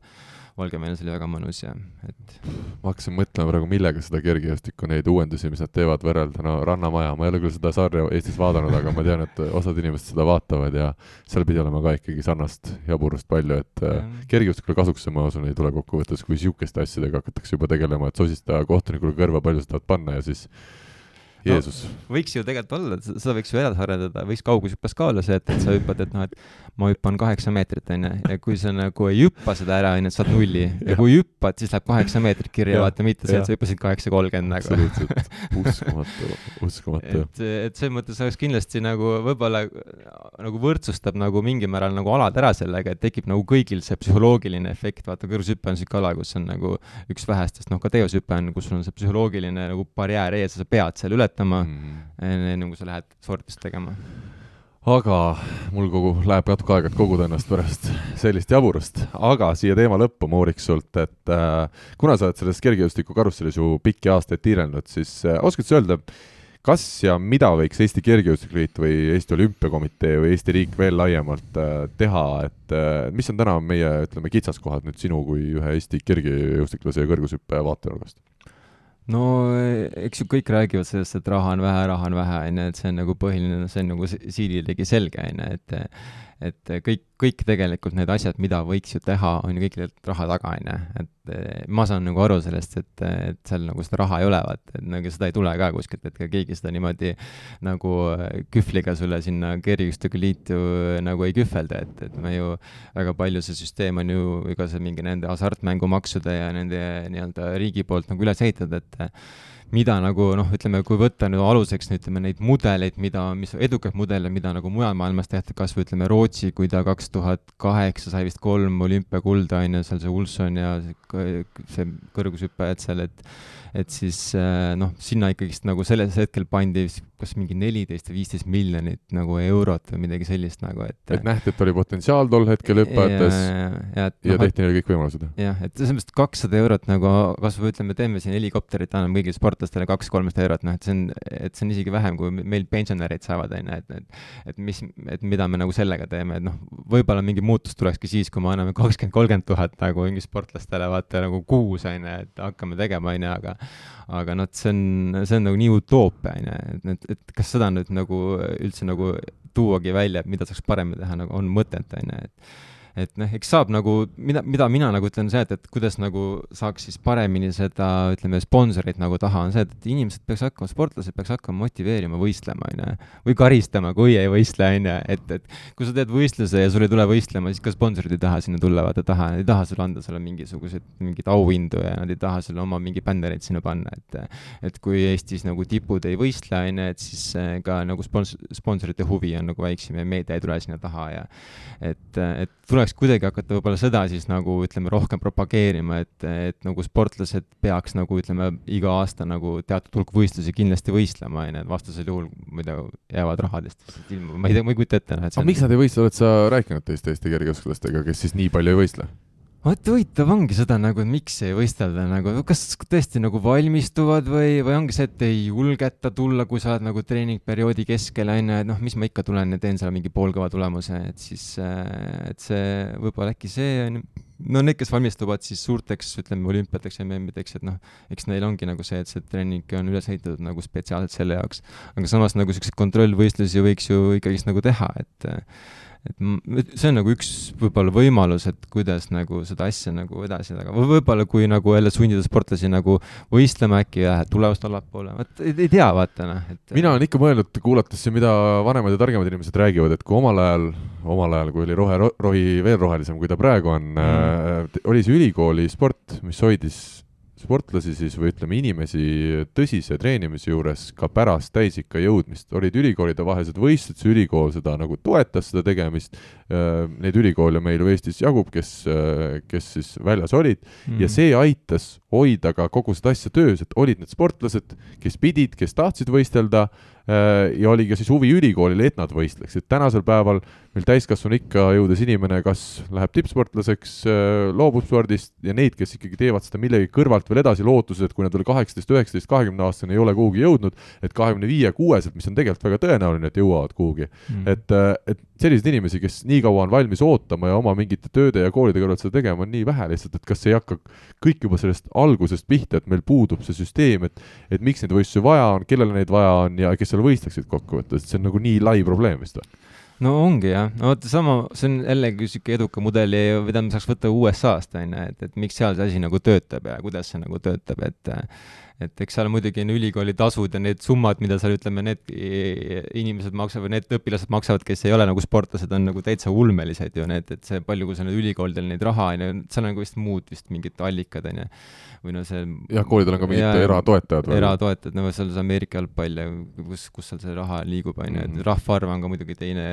tase teine, et aga noh, vot jälle üks sihuke edukas mudel, et mida võiks ju nagu mingil määral hakata kopeerima, on ju, et hakkame, võtame neid siis nagu edukaid mudeleid ja proovime neid nii palju siis eh, nagu implementeerida nagu Eesti süsteemi, kui vähegi nagu võimalik, et kuskilt otsast nagu võiks nagu alustada, vaata, et jah, ma saan aru, et ei ole vaata raha, on ju, jälle, no kõik on selle taga kinni, on ju, aga saab ju ütleme, hakata ka nagu väga palju, ütleme sellisest lihtsalt rohujuure tasandist. jah, rohujuure tasandist nagu pihta hakata, kuidagi teistmoodi motiveerida seda. aga Karl, meil on läinud juba pea poolteist tundi ja ikka veel on üks märksõna võtmata, nii et ma arvan, et on viimane aeg hakata ka treeningutest rääkima.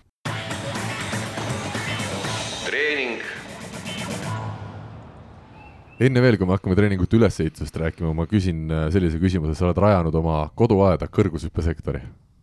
Jah, jah, eelmine aasta sai see otsus vastu võetud, et kui siin see nii-öelda koroona asi peale tuli ja kõik kinni keerati, siis mõtlesin, okei okay,, et kui kuskil enam nagu trenni teha ei saa, no siis tuleb iseendale teha vaata treeningsaal või nagu plats, et ja siis ma lasingi omal ehitada, ütleme, lasin, tellisingi kohe firma ja tuli ja kaevas kõik ülesse ja pani, ütleme, kõik katted maha ja tartaan on maas? jah, ja, ja, ja ütleme ka kõrgusmatt ja kõik asjad on üldse maas, et kui palju seda siis tartaani panid, kas ainult oma selle teades oma seda jooksukurvi ja hoojooksu pikkust või natuke, et kui keegi sõber tuleb ja teiselt poolt tahab hüpata, saab ka tulla? ei, teiselt poolt ei saa jah kahjuks et ainult ja vasakult poolt saab, või paremalt poolt saab hüpata nagu, et ja mul kokku vist sada,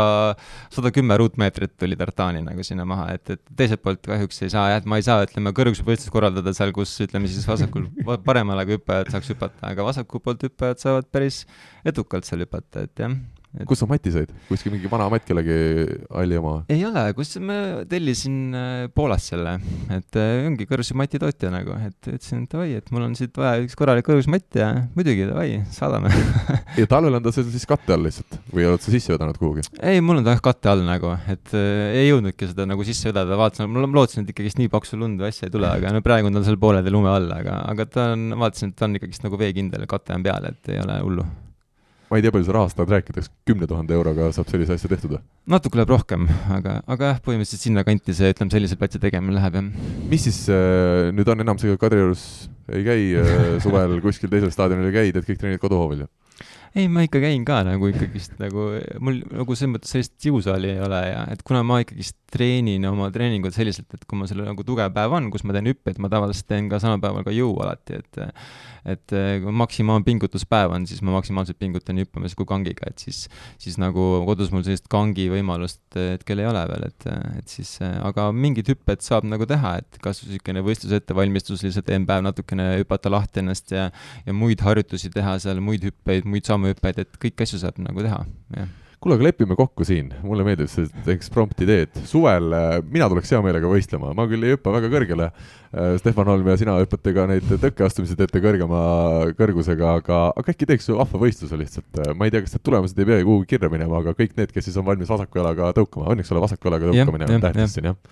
teeme ära. Davai, teeme ära. Nii et võtame kavva ja kõik kergejõustikurivad, kes on huvitatud kaasa lööma mm, -hmm. siis äh, vastavalt piirangutele muidugi, mis äh, suvel siis on, äh, mina ütlen, see on üks vägev värk ja ma arvan, et niisuguseid asju tuleks rohkem korraldada, aga ma saan aru, et sul on mingi endal huvi olnud laiem ka, et mingeid võistlusi, kõrgushüppe asju korraldada? Jaa, no tegelikult tahakski nagu ütleme siin siis ütleme oma ettevõtte kaudu ka nagu, nagu sponsoreerida ja tehagi nagu mingi reaalselt nagu hüppe, et niisuguse seeriavõistluse ikkagist, et, et nii poistele kui tüdrukutele, noortele kui ka täiskasvanutele, et, et noh, tegelikult see ei ole ju nagu ütleme midagi ületamatut, et tuleb lihtsalt siis panna kirja võistlused, kohtunikud kohale ja ja tegelikult täiesti nagu huvi on olemas, et äh, paneks auhinnad välja ja, ja kõik asjad, et äh, no et noori ne... meil ju jagub iseenesest kergejõustikuvõistlustele igasuguseid. jah, jah, et äh, see tulebki nagu seda propageerida, et, et kui ei ole ikka võistlusi, siis tuleb ise korraldada noh. jah, selline see elu meil kapitalistlikus äh, riigimudelis on. kui me nüüd hakkame sinu treeningutest rääkima, siis äh, milline on siis sinu hinnangul selline hea tugev trenn, kuna me oleme juba aru saanud, mil moel ja kui palju sa nädalas treenid, siis seda ma rohkem ei küsi, aga milline see üks tugev trenn siis nendest kahest tugevast trennist nädalas on? No üks trenn ikkagi, kui see on nagu tugev trenn, siis ma nagu valmistun selleks, ma olen nagu nii vaimselt kui füüsiliselt nagu väga hea nagu enesetundega lähen trenni alati ja ma ootan seda päeva alati nagu seda ühte või kahte päeva nädalas ja e-, enamus ajast koosneb see nagu hüpetest, et ikkagist äh, kasvavas tempos järjest tugevamini hüppeid teen, sammhüpped, üleshüpped, kõrgushüpped, kaugushüpped, noh, kõikvõimalik palju hüppeid, nii palju, kui jalg kannatab. Alati on mul kõik asjad on ikkagist niisugune mingi eesmärgipära, et kui ma teen mingi viisikuid, et siis ma alati nagu üritan natuke kaugemale hüpata, et äh, ei tee nagu lihtsalt, et noh, teeme kümme korda viisikut, et ma iga hüpe on ikkagist nagu see, et ma üritan ka järjest kaugemale, kaugemale, kaugemale, kogu aeg nagu keha push ida lihtsalt edasi ja, ja alati siis, ja kui on hüpped on tehtud, siis ma lähen kangist täpselt samamoodi, et ma ikkagist lähen nagu nii maksraskusteni, kui ma keha vastu peab või nagu suudab, et ma ikkagist niimoodi külma värin peale, et sa lähed, võtad selle kangi jalale ja lähed teed. et mis mul on, ütleme nüüd äh, ise olen aru saanud ja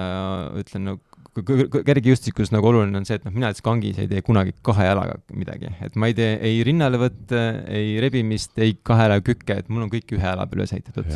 et äh, kõik hüpped, äh, või mitte hüpped, vaid noh, nagu ütleme, kangiga tegemised, ütleme, kas üks jalg taga, üks jalg ees, on ju, et nagu väljaastes nagu ongi nagu väljaasted, äh, ühe jala kasti peale astumised, et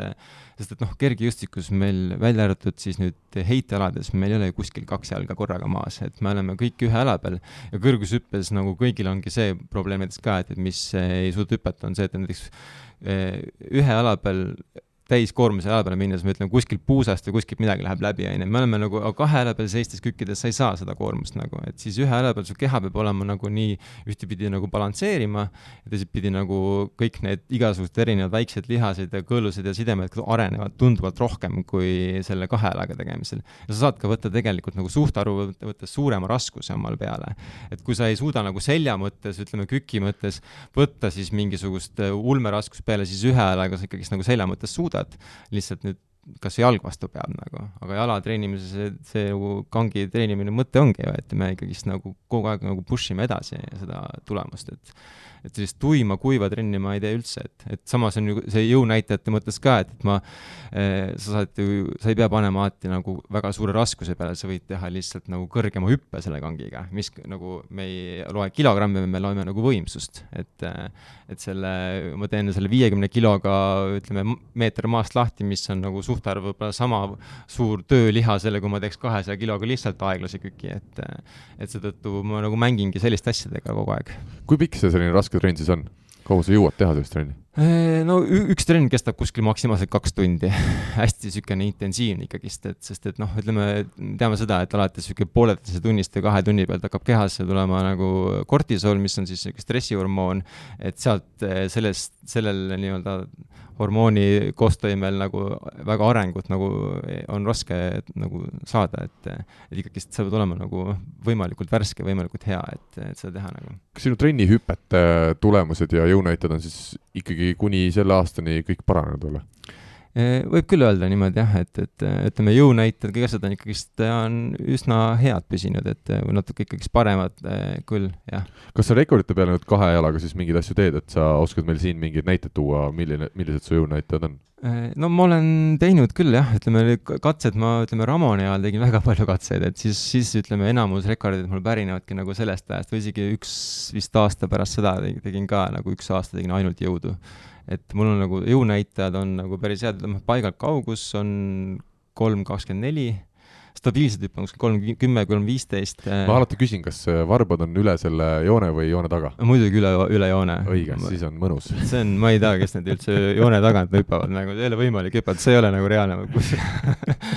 et ma ei oska niimoodi üldse, et joone tagant ja siis noh, paigalt kolmik on mul kümme, seitseteist, stabiilselt hüppan kuskil üheksa, kaheksakümmend, üheksa, seitsekümmend viis Äh,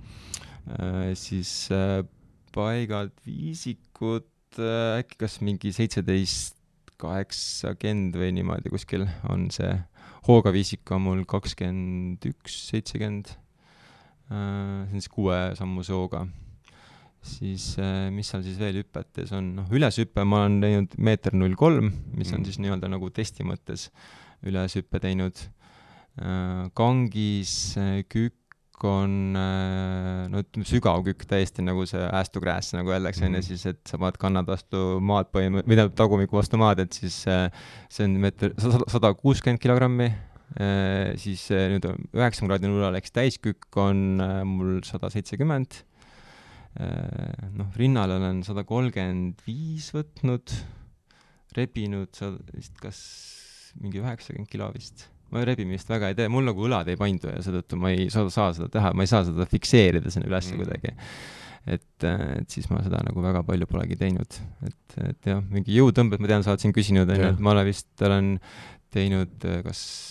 isegi vist üle kahesaja natukene olen teinud jõutõmmet. et mingi hetk ma läksin ikka päris hulluks nende asjadega ja ma hakkasin nagu ikka täiesti juba haiglaselt neid taga ajama nagu, et noh, peab paremaks saama, et muidu ei ole võimalik, et äh, siis kuulijänn vist oli kakskümmend, kaheksakümmend viie kilosega ette, et ma läksin nagu selles mõttes päris hulluks, aga aga ma ütlen, kõrgushüppele see midagi kaasa ei aidanud tähtis on teha ikkagi kõike täpselt nii, nagu sinu sellel konkreetsel alal on kasulik, jah? Jah, et kõik asjad, mida sa teed, peab olema ikka võimalikult sinna selle lähedale, et et kõik peab olema kogu aeg, mõtleme, isegi kui sa kangiga teed astumisi, sa mõtled, okei okay,, ma nüüd hüppan kõrgust nagu, et, et see, et kogu aeg nagu mõtled sellele võimalikult lähedale, et sellele nii-öelda oma alale. Et ei ole nii, et lähed trenni ja, ja siis mõtled äh, selle peale, mis tööl oli ja, ja kuidas peaks homse päeva paremini elus elama kui tänase, et see on ikkagi sada kümme protsenti keskendumine sellele antud treeningule jah, täiesti sada protsenti jah, et sada kümme protsenti ikkagist keskendud täielikult sooritusele. kõrgust sa hüppad äh, trennis ka sedasi väga tõsiselt äh,, naalik jalas, latt äh, peal ja, ja kõrgus peal või? ikka jah, ikka jah, ma küll hüppan äh, enamus ajast ainult väikse hooga, ma ei, täishooga hüppan väga vähe, et äh, aga küll jah, et ikkagist üritad hüpata, ma küll kunagi trennis ei, väga kõrgele seda latti ei pane, et ma ei viitsi seda latti kogu aeg tõsta edasi-tagasi kogu aeg jälle, et ajan maha. kuigi on ka neid hetki tulnud, kus tõesti nagu peab minema ja sa pead ajama lihtsalt seda latti nagu väga kõrgele, et, et nagu keha natuke hirmutada, et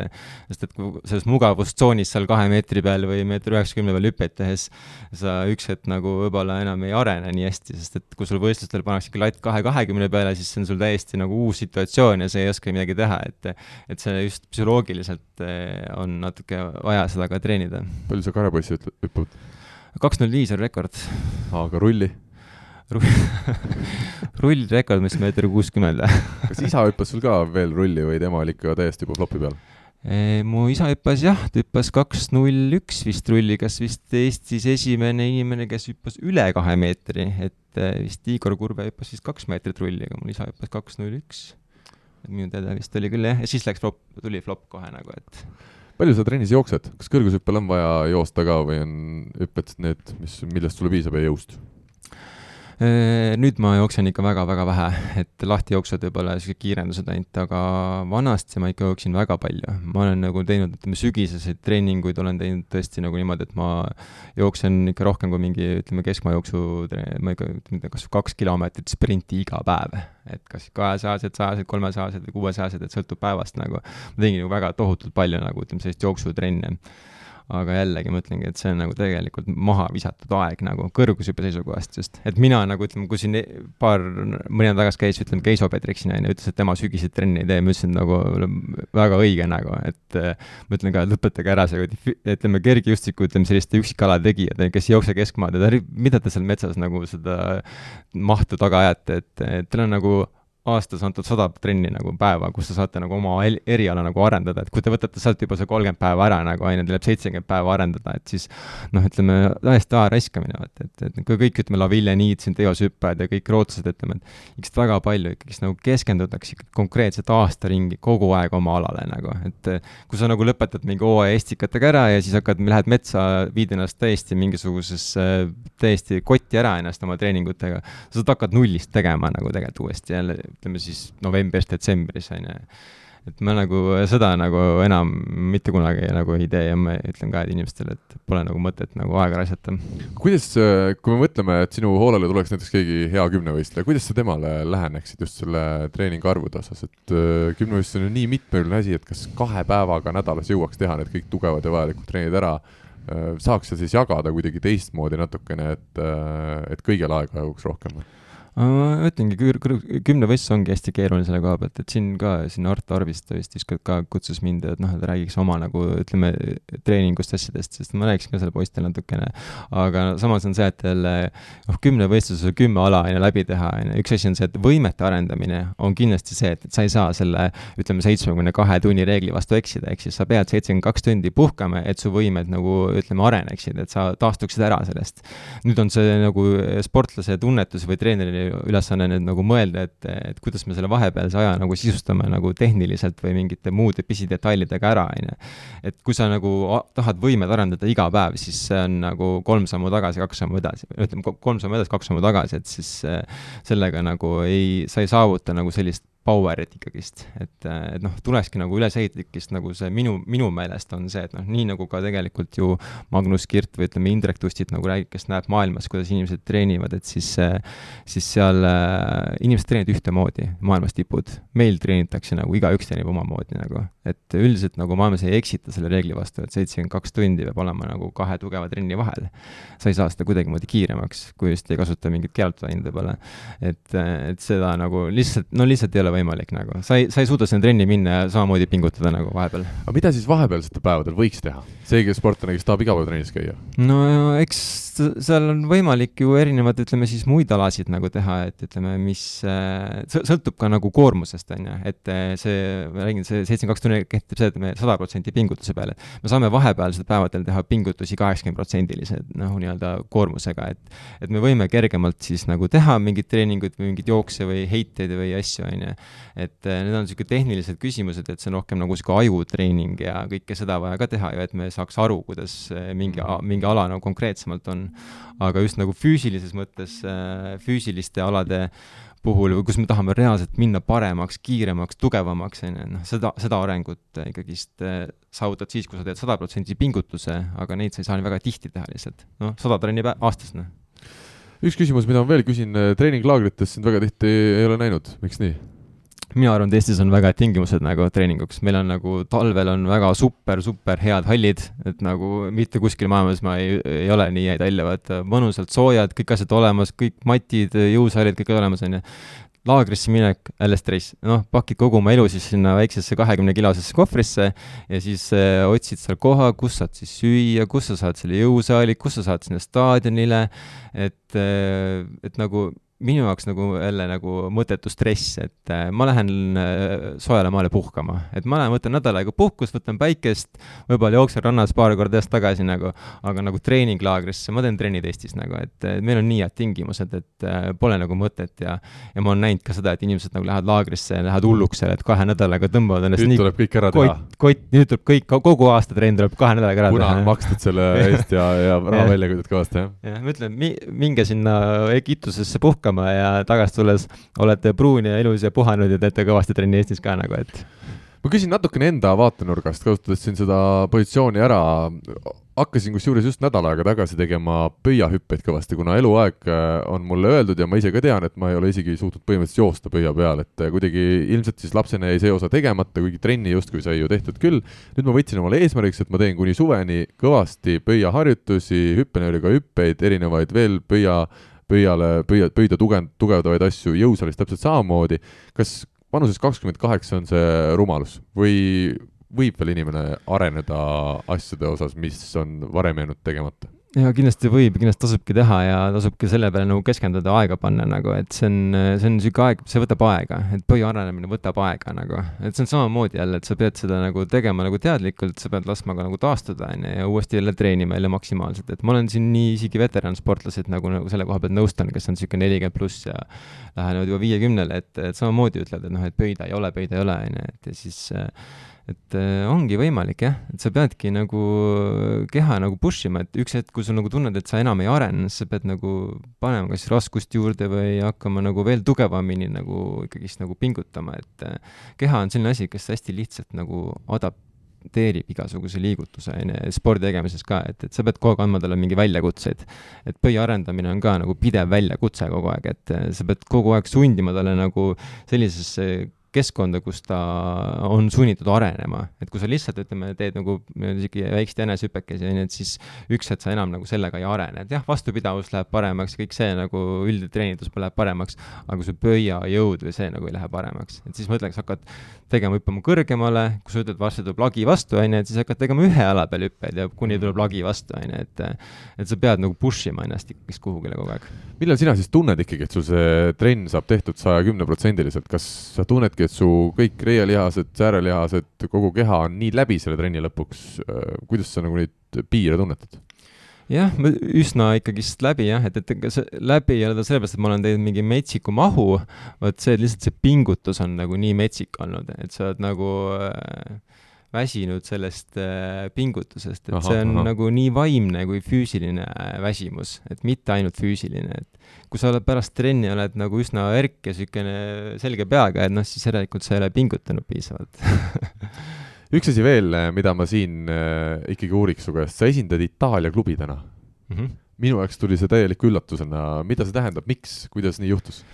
no vot siis, kui ma siin nüüd eelmine aasta või üle-eelmine aasta hüppasin see kakskümmend üks, siis äh, mind, minuga võttis ühendust üks Itaalia klubi, kes siis äh, nii ütles, tegi pakkumise nii nagu rahaliselt ja võimalustega, et äh, saan kaks korda aastas käia Itaalias võistlemas nende kuludega ja, ja motivatsiooniprogrammid igasugused seal tuhandetes eurodes on ju, et, et minu jaoks tundus see väga üllatus ja väga kahtlane alguses. Et, et, et nagu, et, et see ei ole võimalik. aga hakates natuke asja uurima, siis äh, selgus, et ei olegi väga kahtlane, et äh, näiteks väga palju lätlased on kusjuures äh, Itaalia klubides, et üks aasta siin Balti matšil olid lätlased väljas kolmanda või ma ei tea, teise ešeloniga, sest et kõik lätlased olid Itaalias et samal ajal oli Itaalias nende klubide karikas. et Itaalias ongi nagu, seal on kaks korda aastas, ütleme kevadel on siis äh, maikuus on neil regionaalsed äh, klubide karikad ja siis sealt saavad siis teatud klubid saavad finaali, mis siis juunis toimub, et ja seal on, nendel on nagu väga niisugune klubide, hea klubide süsteem, mis siis, kus on nagu väga suured rahad ka nagu mängus, nagu, nagu põhimõtteliselt nagu Itaalia jalgpalliski on natuke väiksemad, aga no põhimõtteliselt ka samamoodi süsteem toimib. et siis jah, nagu tehtigi pakkumine, et, et läheks sinna, mis tähendab seda, et on Itaalia äh, kergejõustikuliidu reegel on see, et ma ei tohi olla üheski teises maailmaklubis, ehk siis ma Eestis olen hetkel individuaalsportlane, jah. et niisugune äh, võimalus, et ma saan kaks korda aastas käia seal Napolis, Veneetsias see aasta ja, ja, ja lisaks veel makstakse ka selle eest, et. põhimõtteliselt sa ei peagi muud tegema, kaks korda aastas äh, näitama nägu, hüppama seal, võimalikult hästi hüppama, siis tuleb ka boonus, aga see on kõik. just, jah, rohkem mingeid kohustusi nagu selles mõttes ei ole. ja kui näiteks siin võistlused ei toimu, nagu oli siin koroona ajal, siis ka makstakse nagu ikkagist raha nagu, et kuna võistlusi ei toimunud nagu, et, et siis mina pole süüdi vaat selles nii et äh, Eesti sportlastele ma ei tea, mida Eesti klubid selle peale ütlevad, aga, aga see oleks päris hea lahendus sellistele, ütleme siis tippu pürgivatele sportlastele, kellel see rahaline olukord on, on selline, ütleme, pigem kehvapoolne, et äh, üks, üks variante, kuidas jätkata seda tippu pürgimist. ja, ja noh, seal otsitakse jah, ma seal olengi nii mõnegi Eesti sportlasele seda nagu pakkunud, et keegi pole siiamaani seda nagu vastu võtnud, eks mõned saavad ka siin Eestis nagu klubis nagu piisavalt võib-olla mingit toetust ja asju, et, et pole nagu, ei näe nagu selles väljundit, aga mina, ma nägin nagu mitu väljundit selles, et, et saab Itaalias ka meie väga vahva saade on aga nüüd jõudmas siis lõpusirgele või kuidas kõrgushüppes peaks ütlema, lati kohale. veel viimane sirutus on teha ja küsimusmängus siis uurisime kaks nädalat tagasi, et milline Maicel Uibo klassivend Audentese spordigümnaasiumi päevilt on täna ühe Eesti pallimänguklubi peatreener. õige vastus oli HC Kehra käsipalliklubi juhendaja Mart Raudsepp ja kohe võtan siin ette ka meil siis äh, õigesti vastajad. Neid oli seekord äh, kokku natukene üle kümne ja siis saan sul lasta ka öelda numbri. kaksteist õigesti vastajat oli meil ja palun, ole hea, Karl, üks number ühest kaheteistkümneni. Äh, kuna minu endal sünnipäev on siis nagu null neli null neli, et siis ma ütlen neli. ja neli on meil Lilian Neerot, nii et palju õnne minu arust ka peaks olema kergejõustikuga ise omal moel seotud, vähemalt nimi on minu jaoks tuttav, nii et palju õnne, staadionjutude erilahendusega spordisärk on nüüd sinu oma ja Kergejõustikuliidu poolt vist mingisugune väike asi veel juurde ka. aga uue nädala küsimus on samuti meil ette valmistatud ja see kõlab järgnevalt. mitmel korral oleks Karl Lumi tulnud viimasel kümnel aastal oma Eesti meistrivõistluste tulemusega Soome välimeistriks. ja jutt käib siis vahemikust kaks tuhat üksteist kuni kaks tuhat kakskümmend. väga lihtne ja loogiline küsimus ja ma usun, et inimesed, kellel ikkagi internet eh, on olemas ja, ja arvuti ka töötab normaalselt, peaks olema selline mõne võib-olla minuti või, või natukene pikema aja otsimise vaev ja, ja saab natukene jälle targemaks ja ühtlasi vastuse kätte EKOTL, et EKOTL.ee on see koht, kuhu saab neid vastuseid saata, on sul selle küsimuse juurde ise midagi lisada ka, et päris vist eh, null see vastus ei, ei ole? null ei ole jah, aga ma täpset numbrit ei, ei tea ise ka praegu jah, meil on ka õnneks aega kaks nädalat seda vastust välja uurida. lõpetuseks kaua sa nüüd hüpata plaanid veel? no põhimõtteliselt me saime aru, et ega siin niipea veel ei ole Karl Lumi eh, naalikuid keskmaa ja kõrgushüppe omi eh, maha viskamas ega varna viskamas. ja ei, ma üks, suhtlesingi ühe niisuguse osteopaadiga siin eh, mõni päev tagasi ja ütles ka, et, et tegelikult inimene, kui ta on nagu väiksest lapsepõlvest teinud sporti ja kogu aeg nagu ütleme, hoiab endast oma elustiili, ütleme nii-öelda siis heal tasemel ja toitub korralikult ja teeb trenni, siis ka neljakümne aastaselt võib äh, väga kõrgele nagu ütleme, jõuda spordi mõttes, kui me siin mõtleme, et siin see, kes see St Kitts Nevis või kes see Kim Collins tuli ka kohe meelde, jah. jah, et, et neljakümne aastaselt joosta nagu nii kiiresti kuutekümmet meetrit, mis tähendab seda, et noh, et et et inimvõimetel, ütleme, tänapäeva inimene ei vanane enam nagu nii kiiresti, et, et kuigi jah, ütleme minu puhul ütleme, plahvatusaladel meil ei ole väga palju näiteid nagu ütleme, kus hüppe- ja jooksualadel, kus, kes oleks nagu nii kaua, nii kaua ütleme nagu teinud sporti, aga aga ma üritangi selle müüdi nagu murda ja et enda, enda poolt parim anda. ja tänu tööalastele tegemistele sa vist ka seda taastumisasja jagad päris hästi jah, jah, tööstusaladel jah, et, et Medpoint ikkagist väga palju mind nagu selle koha pealt ikka aitab jah, et, et ma hoiab mu keha nagu tervena ja korras, jah. ütle mulle või meile kuulajatele ka paar nippi, mida sina siis taastumise osas teed, kuna me sellel pikemalt ei peatunud, siis ma siia lõppu lühidalt küsin. No mi-, mida ma teen palju, mul on endal on see infrapunasaun, kus ma siis käin nagu tihti taastumas, siis äh, masseerin ennast ise väga palju, et äh, ütleme nii sääred kui reied kui tagareied, et et mul on nagu kodus ehitatud selline nii-öelda spetsiaalse masseerimise selline atribuut, mis siis on nagu selline pulk kahe ukse pida vahel nagu, et no ütleme nagu nii, nagu hallis on, ütleme siis see toru, mis on seal kurvi ümber noh, sa võid sinna vastu ennast nagu nühkida, vaata. Ja toimib.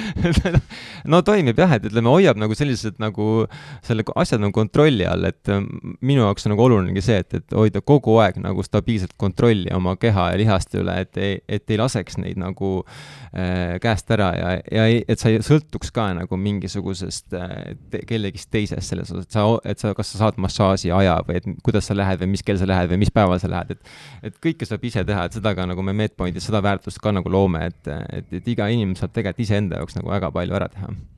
no täna oli meil stuudios külas üks äärmiselt leidlik inimene ja ma ütlen ausalt, et kahtlemata liigitub tänane vestlus sinuga minu äh, lemmikute hulka, siin ei ole küsimustki. aitäh sulle, Karl, ja palju edu sulle kõikides su tegemistes! ja aitäh kutsumast!